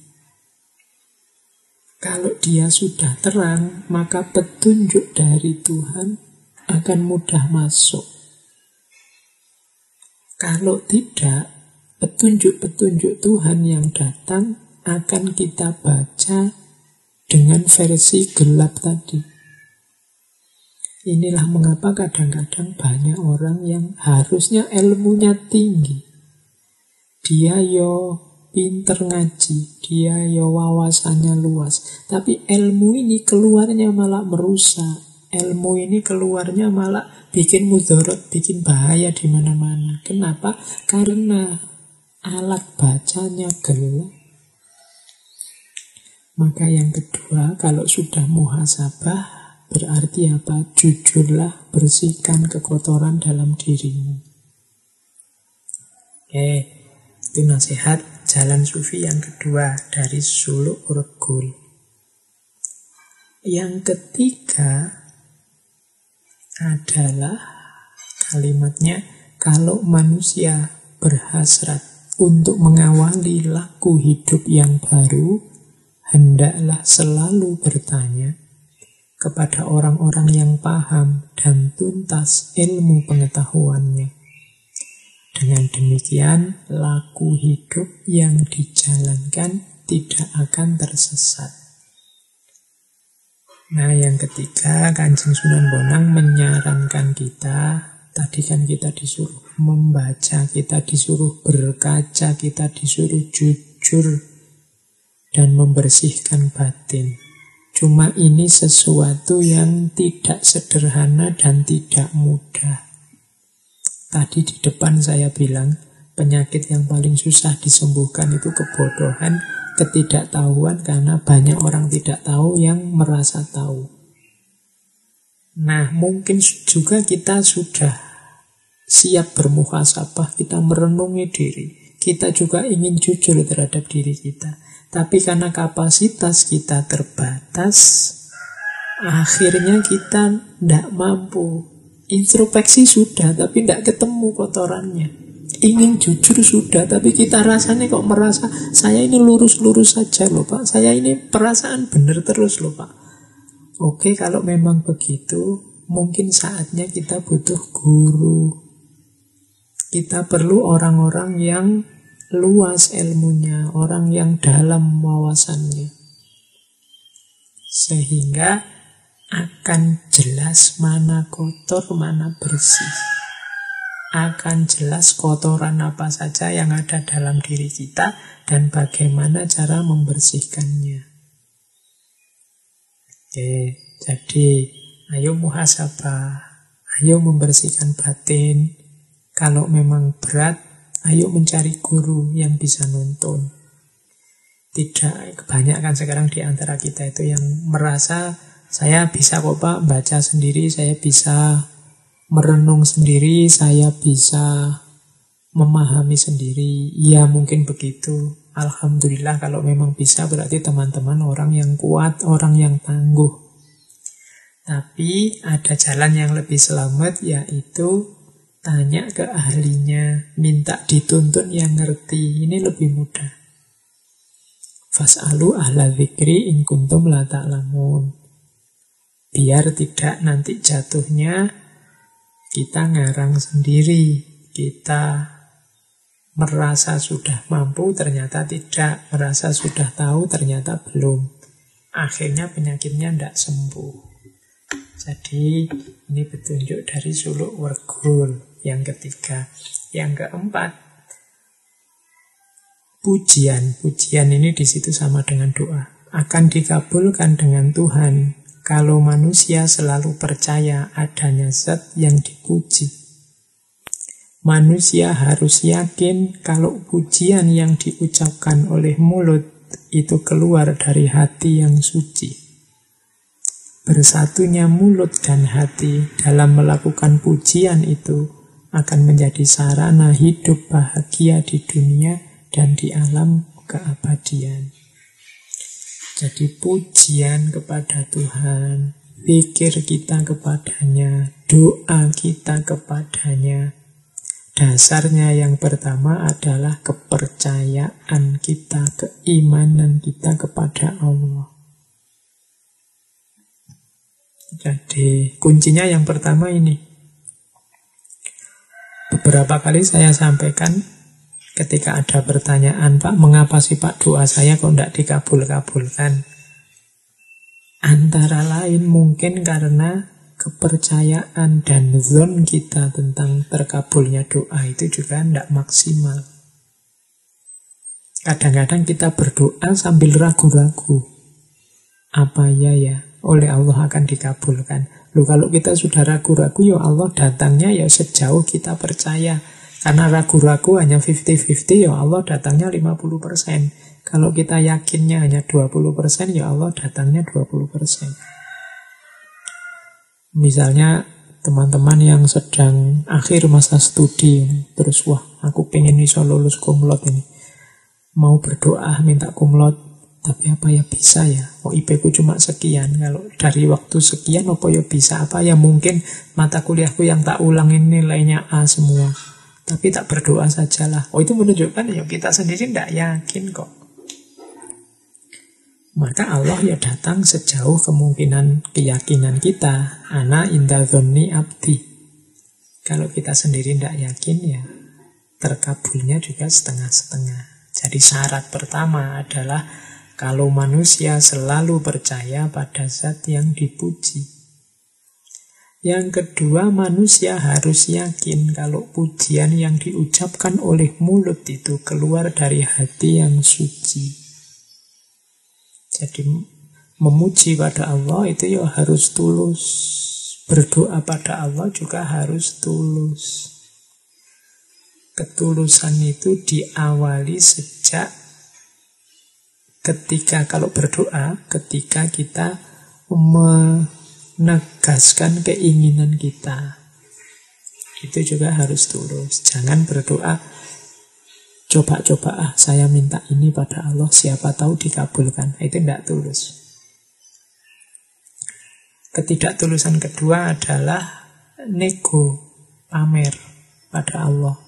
Ya Allah, aku ini kan sudah beribadah banyak padamu. Aku sudah sodakoh sekian juta, maka tolong sebagaimana janjimu, ini roto ngancam sama Allah. Ini kurang tulus.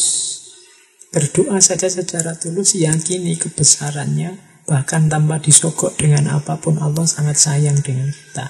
Jadi syarat kedua adalah ketulusan. Nah, doa kita, pujian kita, kalau hatinya sudah tulus, keluarnya apa adanya, didasari dengan keimanan yang sepenuhnya pada Allah, Itulah nanti yang jadi sumber kebahagiaan kita.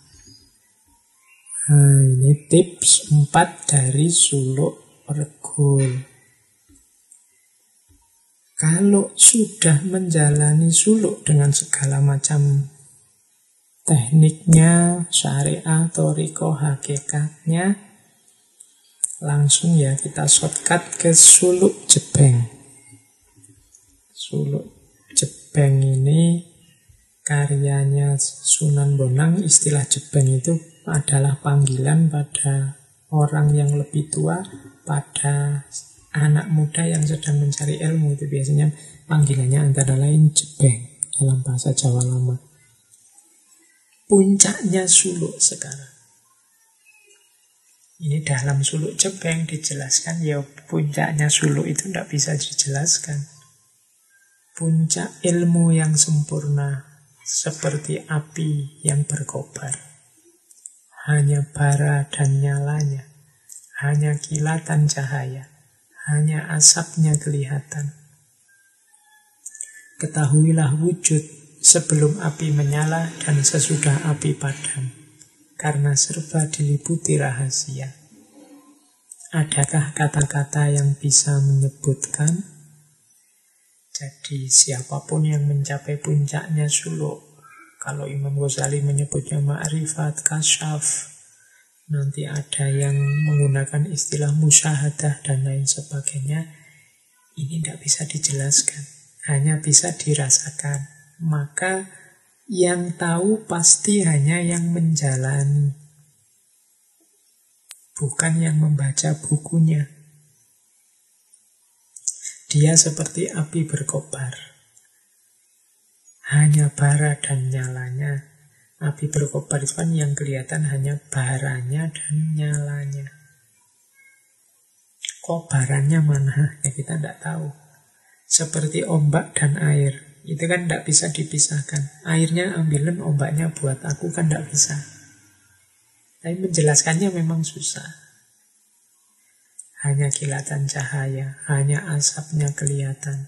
Maka ketahuilah wujud sebelum api menyala dan sesudah api padam. Ini menunjukkan bahwa lo hanya orang yang menjalani lakunya sejak awal yang akan tahu rahasianya. Karena serba diliputi rahasia. Tidak ada kata-kata yang bisa menjelaskan. Nah, ini penjelasan tentang puncaknya Solo. Yang kedua, Jangan tinggikan diri melampaui ukuran. Berlindunglah semata-mata kepadanya. Ketahuilah rumah sebenarnya jasad ialah ruh. Jangan bertanya, jangan memuja nabi dan wali-wali, jangan mengaku Tuhan, jangan mengira tidak ada padahal ada, sebaiknya diam, jangan sampai digoncang oleh kebingungan. Nah, ini untuk yang melakukan perjalanan. Yang tidak melakukan perjalanan tidak bisa menjelaskan. Tapi yang tahu hanya yang ngalami. Meskipun nanti yang sudah ngalami susah menjelaskannya dengan kata-kata. Meskipun demikian, bagi yang sudah mengalami puncaknya suluk, yang pertama apa? Jangan tinggikan diri melampaui ukuran. Jangan sombong, Jangan merasa lebih tinggi dari yang lain, lebih dekat dengan Allah daripada yang lain. Berlindunglah semata-mata kepadanya. Pokoknya kita bersandar saja sepenuhnya kepada Allah. Ketahuilah rumah jasad ialah roh. Maksudnya apa? Yang kelihatan adalah jasad, yang tidak kelihatan itu roh. Berarti apa? Yang lebih penting itu ruh. Di situ kan rumahnya jasad adalah ruh. Biasanya kan kita rumah. Ruh itu tinggalnya di rumah jasad. Tapi di sini dibalik. Kuncinya manusia itu adanya di ruh, di batin. Maka selanjutnya jangan banyak bertanya, rasakan saja. Nikmati saja kebersamaanmu dengan Allah. Jangan hanya fokus pada jasad lahiriah. Kalau kita ingin fokus ke jasad lahiriah, susah dijelaskan. Kata-kata susah menyebutkan. Maka tidak usah banyak bertanya, kamu nikmati saja. Kamu rasakan saja kedekatanmu dengan Allah. Kemudian ada petunjuk juga, jangan memuja nabi dan wali-wali. para nabi, para aulia, ajaran dan macam-macam itu sarana media kita untuk menuju Allah. Maka jangan dibalik, jangan memuja nabi dan wali-wali. Kita harus menghormati, bersyukur, sangat berterima kasih pada mereka karena mereka membuat kita sampai pada Allah, tapi jangan posisikan mereka di posisinya Allah. Demikian juga jangan mengaku Tuhan. Kalau sudah dekat sama Allah, sangat fokus pada Allah, bahkan merasa diri sendiri hilang, katanya Kanjeng Sunan Munak, tetap jangan ngaku Tuhan. Kita masih manusia yang begitu disayang, begitu dirahmati oleh Allah sehingga bisa melakukan perjalanan sampai padanya. Kemudian jangan mengira tidak ada padahal ada. Berarti apa? Jangan hanya melihat yang kelihatan saja. Jangan hanya percaya pada yang kelihatan saja. Banyak yang hakiki dalam hidup ini sifatnya tidak kelihatan. Kemudian sebaiknya diam. Biasanya orang yang tuntas itu lebih suka diam karena merasa sudah terbuka semuanya, sudah beres semuanya. Maka sebaiknya diam. Jangan sampai digoncang. Jangan mudah goyah. Karena orang yang sudah tuntas itu biasanya tidak mudah goyah. Jangan mudah goyah oleh kebingungan-kebingungan. Nah itu yang terus yang ketiga ini cuma simbolnya, is apa isyaratnya. Pencapaian sempurna bagaikan orang yang sedang asyik tidur dengan seorang perempuan kala bercinta mereka tenggelam dalam keasikan, terlena, hanyut dalam birahi. Jadi asiknya, nikmatnya, pengalaman puncak bersama Allah itu seperti asiknya kita kalau di situ ilustrasinya bersama perempuan yang yang jomblo-jomblo bisa dibayangkan lah kalau yang sudah nikah mesti ngerti. Lo asiknya seperti itu. Dijelaskan tidak bisa. Kalau ada yang tanya, coba jelaskan enaknya apa sih? Tidak bisa. Yang ngalami saja yang ngerti. Yang tidak ngalami tidak ngerti. Asiknya seperti itu. Oleh karena itu, anakku terimalah ajaran ini, pahami baik-baik. Kalimat terakhirnya, ya ilmu ini memang sukar untuk dicerna. Yang jelas, bersihkan diri, ayo memulai perjalanan. Sebenarnya intinya di situ. Nanti kalau sudah sampai puncak, rasakan nikmatnya meskipun sukar dijelaskan. Oke, ini diambil dari suluk jebeng. Ini memang kita potong-potong ya. Tadi yang makrifat kita ambil dari Primbon Bonang sebagai dasarnya. Kemudian Jalan sufi kita ambil dari suluk bentur, diawali dari syahadatnya. Kemudian cara membersihkan diri, cara menjalani laku kita ambil dari suluk regul. Dan puncak suluk kita jelaskan lewat suluk jebeng. Ini sebenarnya agak motong-motong, tapi paling tidak semoga teman-teman tergambar Oh, semacam itu cara tutur, cara menjelaskan beliau Kanjeng Sunan Bonang kepada masyarakat saat itu.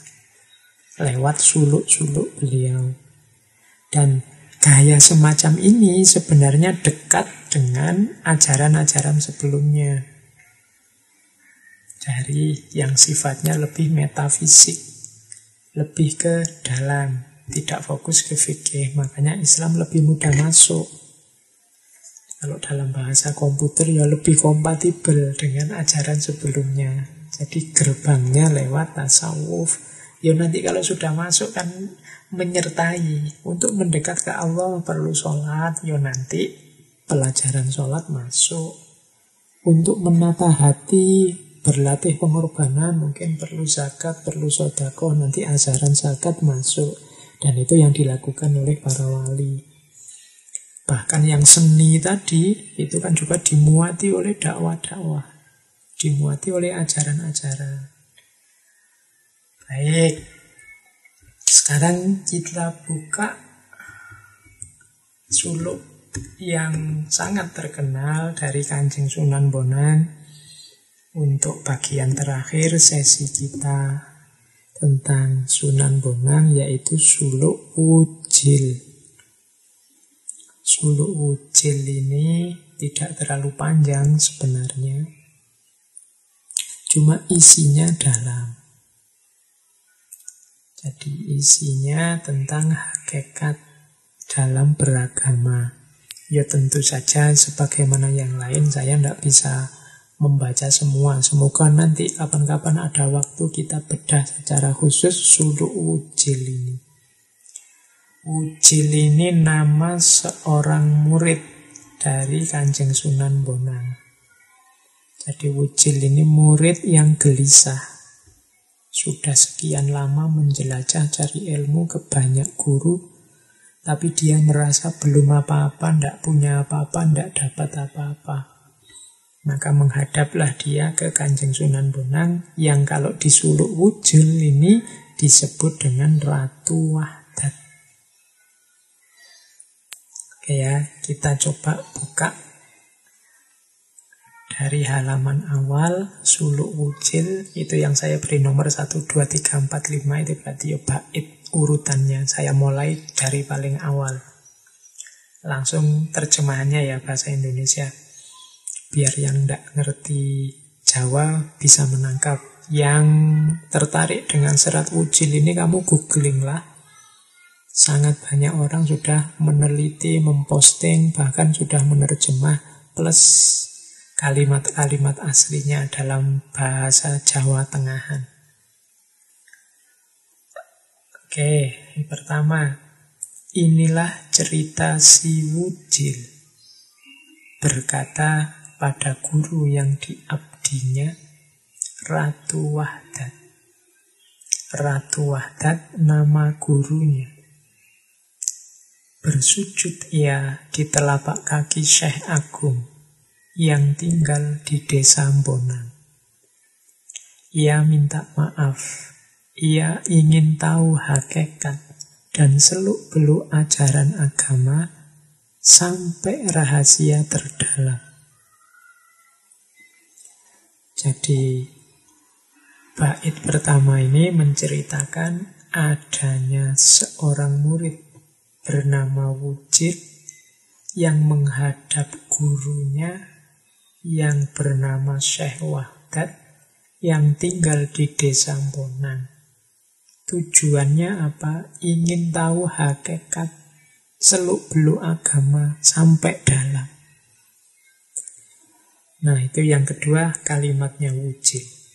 Sepuluh tahun lamanya sudah wujil berguru kepada sang wali, namun belum mendapat ajaran utama. Ia berasal dari Mojopahit, bekerja sebagai abdi raja, sastra Arab telah ia pelajari, ia menyembah di depan gurunya, kemudian berkata, seraya menghormat minta maaf. Jadi Wujil ini aslinya dari Mojopahit. Sekarang berguru pada Sunan Bonang, Ratu Wahdat, sang wali yang tinggal di Bonang. Dia sudah ngaji banyak kitab-kitab, makanya sastra Arab dia sudah tuntas. Mungkin fikih-fikih kitab dasar cara beragama dia sudah ngerti semua, sudah ngajinya tuntas. Tapi dia merasa masih belum dapat apa-apa, belum mendapat ajaran utama. Maka dia nekat protes, tanya, dan minta ke gurunya untuk diberi ajaran utama, seraya menghormat dan minta maaf. Dengan tulus saya mohon di telapak kaki Tuan Guru. Mati hidup hamba serahkan. Sastra Arab telah Tuan ajarkan dan saya telah menguasainya. Namun tetap saja saya bingung. Mengembara ke sana kemari tak berketentuan. Dulu hamba berlakon sebagai pelawak Bosan sudah saya menjadi bahan tertawaan orang. Jadi ini yang pertama, si wujil ini menyatakan pada kanjeng Sunan Bonang dengan tulus saya mohon guru, saya pokoknya pasrah hidup mati. Kalau yang semua Tuan Guru ajarkan, semua jenengan kajikan, yang sastra Arab tadi dalam bahasa Arab, saya sudah ngerti semua, sudah. Tapi kok masih tetap tidak tenang. Saya masih bingung.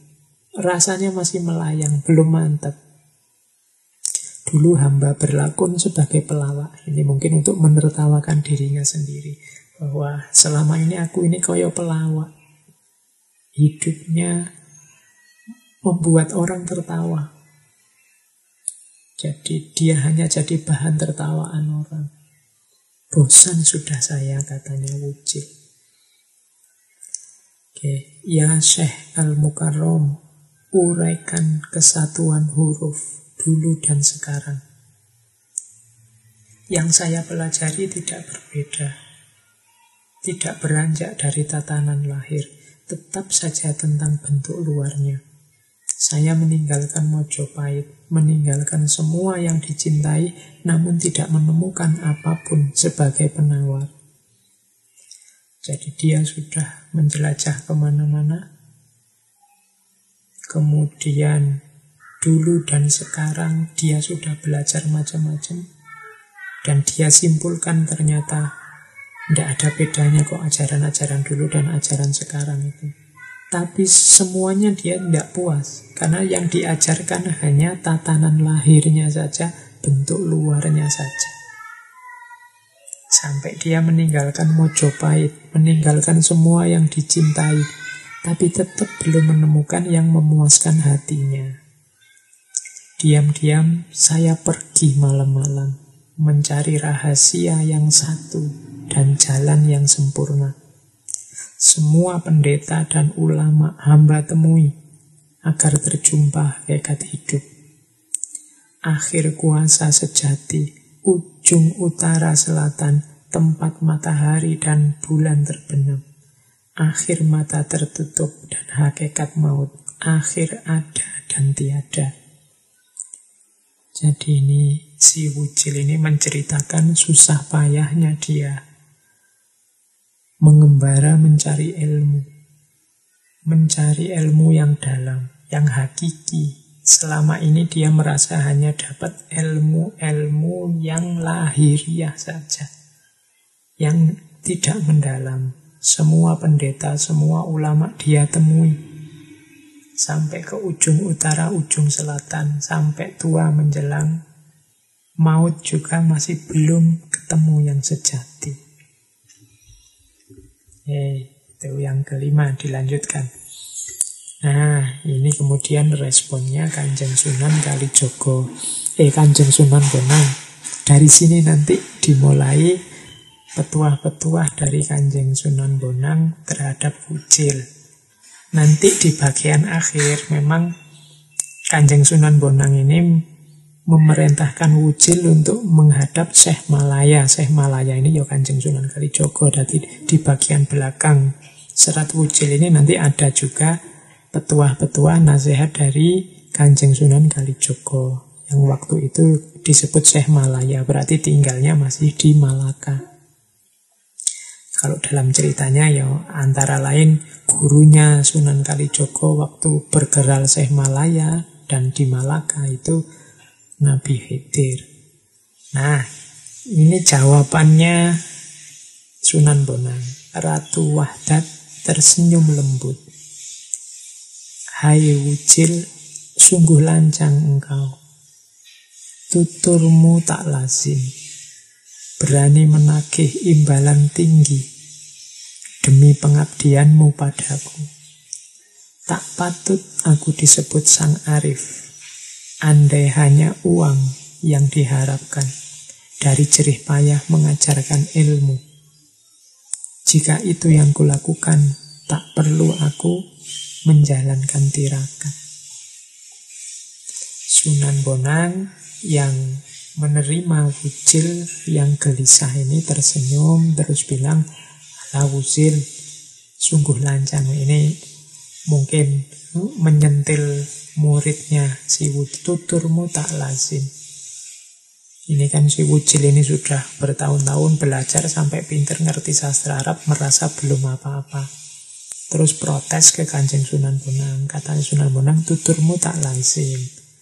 Berani menagih imbalan tinggi. Kamu ini kayak orang nagih. Balasan dari pengabdianmu padaku.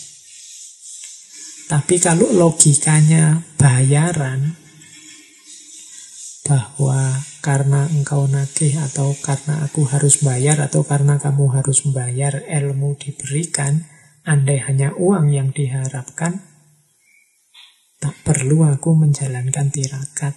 Kalau urusannya bales-balesan, utang budi atau bayar-bayaran, perhitungan ekonomi, tidak ada gunanya aku tirakat ucil. Gitu. Janganlah, jangan pakai logika, balasan imbalan dari pengabdian atau bayaran dari ajaran. Siapa mengharap imbalan uang demi ilmu yang ditulisnya, ia hanya memuaskan dirinya sendiri dan berpura-pura tahu segala hal, seperti bangau di sungai. Diam, termenung, tanpa gerak. Pandangannya tajam, pura-pura suci di hadapan mangsanya ikan-ikan. Ibarat telur, dari luar kelihatan putih, namun isinya berwarna kuning. Ini sindiran dari Sunan Bonang, mungkin juga untuk banyak di antara kita hari. Jadi siapa yang orientasinya uang, mengharapkan imbalan uang demi ilmu yang ditulisnya, mengharap imbalan uang itu ya tidak selalu wujudnya uang mungkin ingin dipuji ingin ditinggikan ingin dibesarkan ingin diviralkan yang sejenis itu. Jadi balasan-balasan artifisial duniawi. Kalau ada orang semacam ini ini orang hanya seperti orang ingin memuaskan dirinya sendiri Orang ini seperti bangau di sungai. Bangau ya, kalau teman-teman bisa lah membayangkan bangau yang kalau sore-sore itu biasanya diam di pinggir sungai, termenung, tidak bergerak, pandangannya tajam, pura-pura suci. Itu kan dia di pinggir sungai itu gayanya anteng, pandangannya tajam seperti orang termenung, tapi sebenarnya dia sedang nyari ikan. Begitu ada ikan lewat ya langsung habis dimakan. Nah, itu disindir seperti ini oleh Sunan Bonang bahwa orang semacam itu yo ya sebenarnya orang yang hanya pura-pura suci. Kenapa disebut pura-pura suci? Lo kotoran batinnya kan jelas tadi. Ternyata dia berpamris. Tidak melihat manfaat ilmunya, tapi yang dia lihat adalah imbalan dari ilmunya terhadap dirinya. Nah ini seperti burung bangau yang diam anteng di pinggir sungai, pandangannya tajam, seolah-olah sedang merenung, tapi begitu ada ikan lewat, yo langsung disamber ikannya. Bahkan katanya Sunan Bonang seperti telur. Telur itu yang luarnya putih, tapi ternyata isinya nggak putih, isinya kuning. Oke. Nah, terus yang kedelapan, matahari terbenam. Malam tiba, ucil menumpuk potongan kayu, membuat perapian, memanaskan tempat pesujudan sang zahid. Di tepi pantai sunyi di desa itu gersang. Bahan makanan tak banyak, hanya gelombang laut memukul batu karang dan menakutkan. Kalau ini ilustrasi tentang situasi saat itu. Jadi ini ternyata disampaikan sore hari menjelang malam. Akhirnya malam tiba, ya wucil ngumpulin kayu dulu, bikin perapian. Apalagi situasinya dekat laut, biar tidak gelap. Oke, setelah semuanya beres, masuk ke bait ke-9. Sang Arif lembut berkata, Wahai wujil, kemarilah. Dipegangnya kunci rambut wujil, selaya dielus-elus, tanda kasih sayangnya. Wujil, dengar sekarang, jika engkau harus masuk neraka karena kata-kataku, aku yang akan menggantikanmu. Saya langsung ke sepuluh ya, biar tidak salah paham. Dengan sangat hormat, Wujil menyembah seraya mengatakan terima kasihnya kepada Sang Mahayogi. Wujil berkata, jangan paduka, lebih baik hamba Sang Wujil sendiri yang masuk neraka. Karena mereka berdua sudah saling mengetahui maksudnya, maka antara sang guru dengan siswanya itu tidak pernah berselisih paham. Keduanya selalu kompak. Jadi di bait yang kesembilan ini diawali oleh pernyataan sayangnya Sunan Bonang pada muridnya. Dielus-elus kepalanya, dipegang kucirnya. Bahkan Sunan Bonang bikin pernyataan ini kalau hari ini dianggap kontroversial. Tapi ini sebenarnya ungkapan sayang. Wahai wujil, jika engkau harus masuk neraka karena kata-kataku, ini kan sedang siap-siap ingin ngajar wawasan yang dalam dan tinggi yang bisa saja orang salah paham terus sesat. Tapi karena sayangnya Sunan Bonang terus beliau bilang, jika engkau harus masuk neraka karena kata-kataku, aku yang akan menggantikan tempatmu.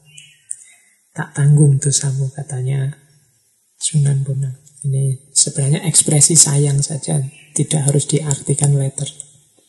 Namun Wujil tidak salah, tidak kalah sayangnya kepada gurunya.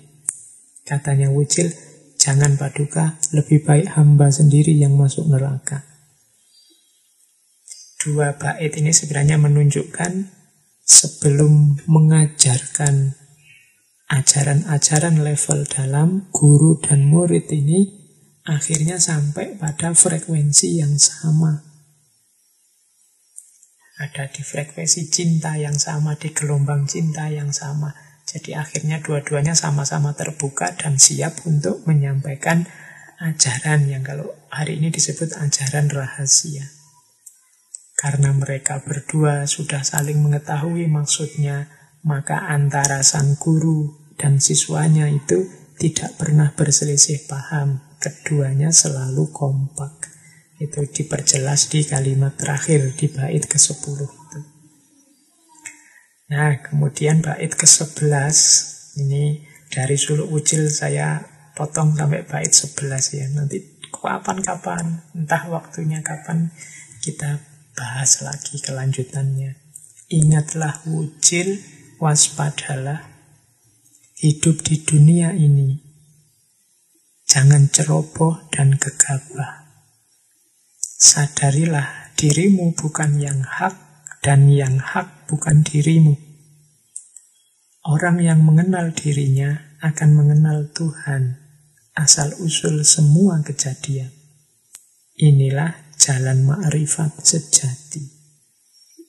Ini nasihat paling awal yang diberikan oleh Kanjeng Sunan Bonang adalah hati-hati hidup di dunia ini jangan sembrono mau ngomong apa, mau melakukan apa, mau nulis posting apa, gitu kalau pakai bahasa hari ini, dipikir dulu berkali-kali lipat. Karena kita ini manusia. Kalau tidak hati-hati, sangat mudah terjatuh pada kekeliruan dan kesalahan. Makanya sadarilah dirimu bukan yang hak dan yang hak bukan dirimu. Engkau bukan Tuhan dan Tuhan bukan engkau. Setinggi apa pun makom kau capai lewat suluk tadi meskipun sampai puncak, tetap saja harus kamu sadari engkau bukan Tuhan dan Tuhan bukan dirimu. Tugasmu apa? Kenali dirimu. Orang yang mengenal dirinya akan mengenal Tuhannya. Tuhan inilah asal-usul semua kejadian. Inilah jalan makrifat sejati. Jadi makrifat yang sejati itu diawali dari mengenal diri. Kalau sudah mengenal diri, akan kenal dengan Tuhan. Caranya macam-macam. Di Abdul Somad Al-Falimbani kemarin, kemarin ini juga dijelaskan. Maksudnya mengenal diri, mengenal Tuhan. Jadi kesadaran kita akan diri kita pada akhirnya akan menghadirkan kesadaran akan Tuhan. Dan jangan salah, kalau sudah mengenal Tuhan, akan kenal hakikat hidup dunia dan alam semesta ini seisinya. Kenapa? Karena Tuhanlah asal-usul semua kejadian asal-usul alam semesta. Inilah nanti yang dikenal dengan nama makrifat. Nah, ini di bait ke-11. Jadi, yuk kita potong di bait 11 dulu. Nanti kapan-kapan kalau ada waktu, mungkin situasinya memungkinkan, forumnya memungkinkan, kita bedah lagi suluk wujil. Nah, terakhir saya ingin menyinggung sebentar ini. Ini lagu yang populer sekali, dikenal di mana-mana. Tombo Ati. Ini memang kalau untuk Indonesia, untuk Jawa itu Sunan Bonang dipandang yang membawa syair ini yang sekarang jadi lagu. Meskipun sebenarnya lima hal yang disebut tombo ati itu sudah pernah dibahas oleh beberapa ulama.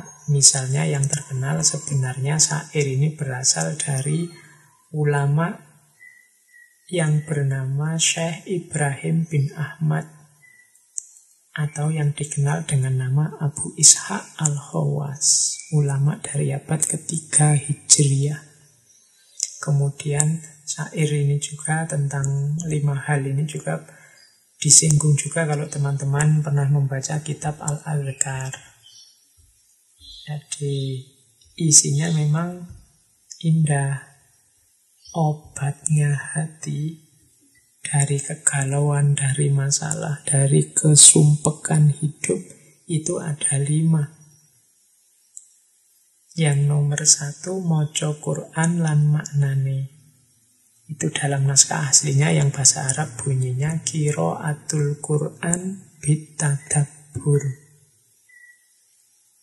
Kenapa harus bitadabur? Karena dengan merenungi maknanya akan aja banyak solusi kita dapatkan menghadapi problem-problem hidup kita. Insya Allah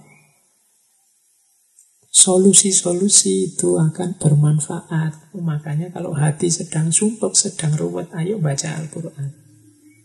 Tapi plus maknanya juga. Kalau hanya membaca tanpa paham maknanya, yang manfaat ketentraman batinnya ada. Tapi lebih maksimal kalau bitadabur. Nah, ada maknanya yang kemungkinan besar juga akan bermanfaat jadi solusi terhadap problem kita. Yang kedua, sholat wengi lakonono. Sholat malam lah, qiyamul lail. Qiyamul lail itu Sebenarnya menjelaskannya mudah. Di situ ada ketenangan, di situ ada kedekatan dengan Allah. Ketenangan dan kedekatan ini penting saat kita menghadapi masalah. Yang ketiga, wong kang soleh kumpulono. Mujalah satu solihin.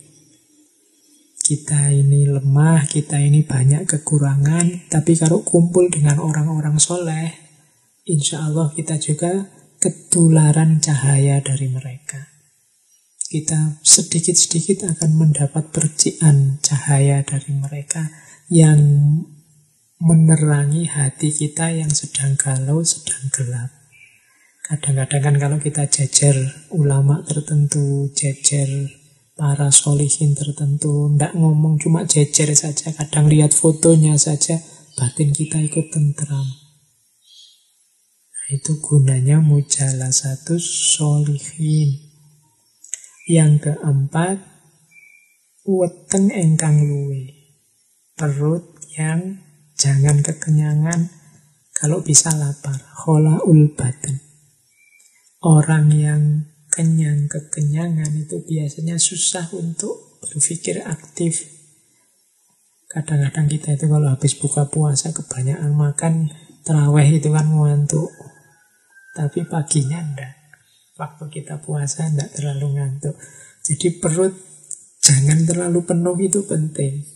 Demi apa? Aktivitas kreativitas sekaligus tirakat. Ini gandeng dengan yang terakhir. Dikir wingi, dikir wengi ingkang suwe. Atadurru itas sahur. Di sepertiga malam yang terakhir, kita bermunajat mendekat ke Allah. Jadi, lima hal ini akan sangat membantu kita saat kita punya masalah, ada kegalauan-kegalauan dalam hidup kita. Termasuk hari ini, hari ini nih kan kita sedang ada ujian berat dari Allah yang namanya pandemi COVID. Ayo kita hidupkan lagi lima tips ini. Kita perbanyak ngaji sambil merenungi maknanya. Jangan lupa sholat malam. Berdekat-dekatlah dengan orang-orang yang soleh. Kemudian perbanyak puasa. Kosongkan perut. Dan yang terakhir, selalu ingat Allah. Khususnya di sepertiga malam terakhir. Ataduru indas sahur. Nah ini salah satu tinggalan dari Kanjeng Sunan Bonang yang ternyata juga masih banyak manfaatnya untuk kita hari ini. Maka monggo teman-teman yang masih punya gairah besar untuk mengkaji dan belajar, jangan jemu-jemu, jangan bosan-bosan menggali khazanah-khazanah lama. Dari situ kadang-kadang kita ketemu mutiara-mutiara terpendam yang tidak terduga-duga. Termasuk dari Kanjeng Sunan Kali, Sun Kanjeng Sunan Bonang ini. Hari ini kita tengok sedikit-sedikit muatan dari suluk-suluk beliau. Silahkan diperdalam, silahkan dilanjutkan untuk menggali lebih jauh. Saya akhiri sekian sesi malam hari ini sekaligus sesi para sufi Nusantara dari bulan Agustus. Insya Allah bulan depan kita akan ganti tema biar tidak bosan karena di antara strategi saya menjaga ritme biar kita semua tidak bosan ya tidak cuma teman-teman termasuk saya dalam tema-tema kita bikin diversifikasi macam-macam kadang ke barat kadang ke timur kadang Islam, kadang Nusantara, macam-macam. Jadi insya Allah minggu depan temanya agak berbeda lagi. Paling tidak untuk memperkaya wawasan kita sehingga kita punya banyak alternatif, banyak senjata menghadapi berbagai masalah dalam hidup ini. Baik teman-teman, saya kira itu mohon maaf kalau ada salah ngomong, salah ucap, kalau ada keliru-keliru dalam penjelasan karena sepanjang berapa jam, berapa minggu, berapa bulan, berapa tahun saya menemani teman-teman dalam ngaji filsafat ini pasti. Ini sifatnya pasti sudah. Ada yang keliru-keliru, ada yang kurang, ada yang salah. Mohon dimaklumi. Bahkan mungkin kalau ada yang mengingatkan langsung ya monggo alhamdulillah saya bisa belajar untuk jadi lebih baik. Saya akhiri sekian, kurang lebihnya mohon maaf. Wallahul muwafiq, wallahu a'lam bisawab. Wassalamualaikum warahmatullahi wabarakatuh.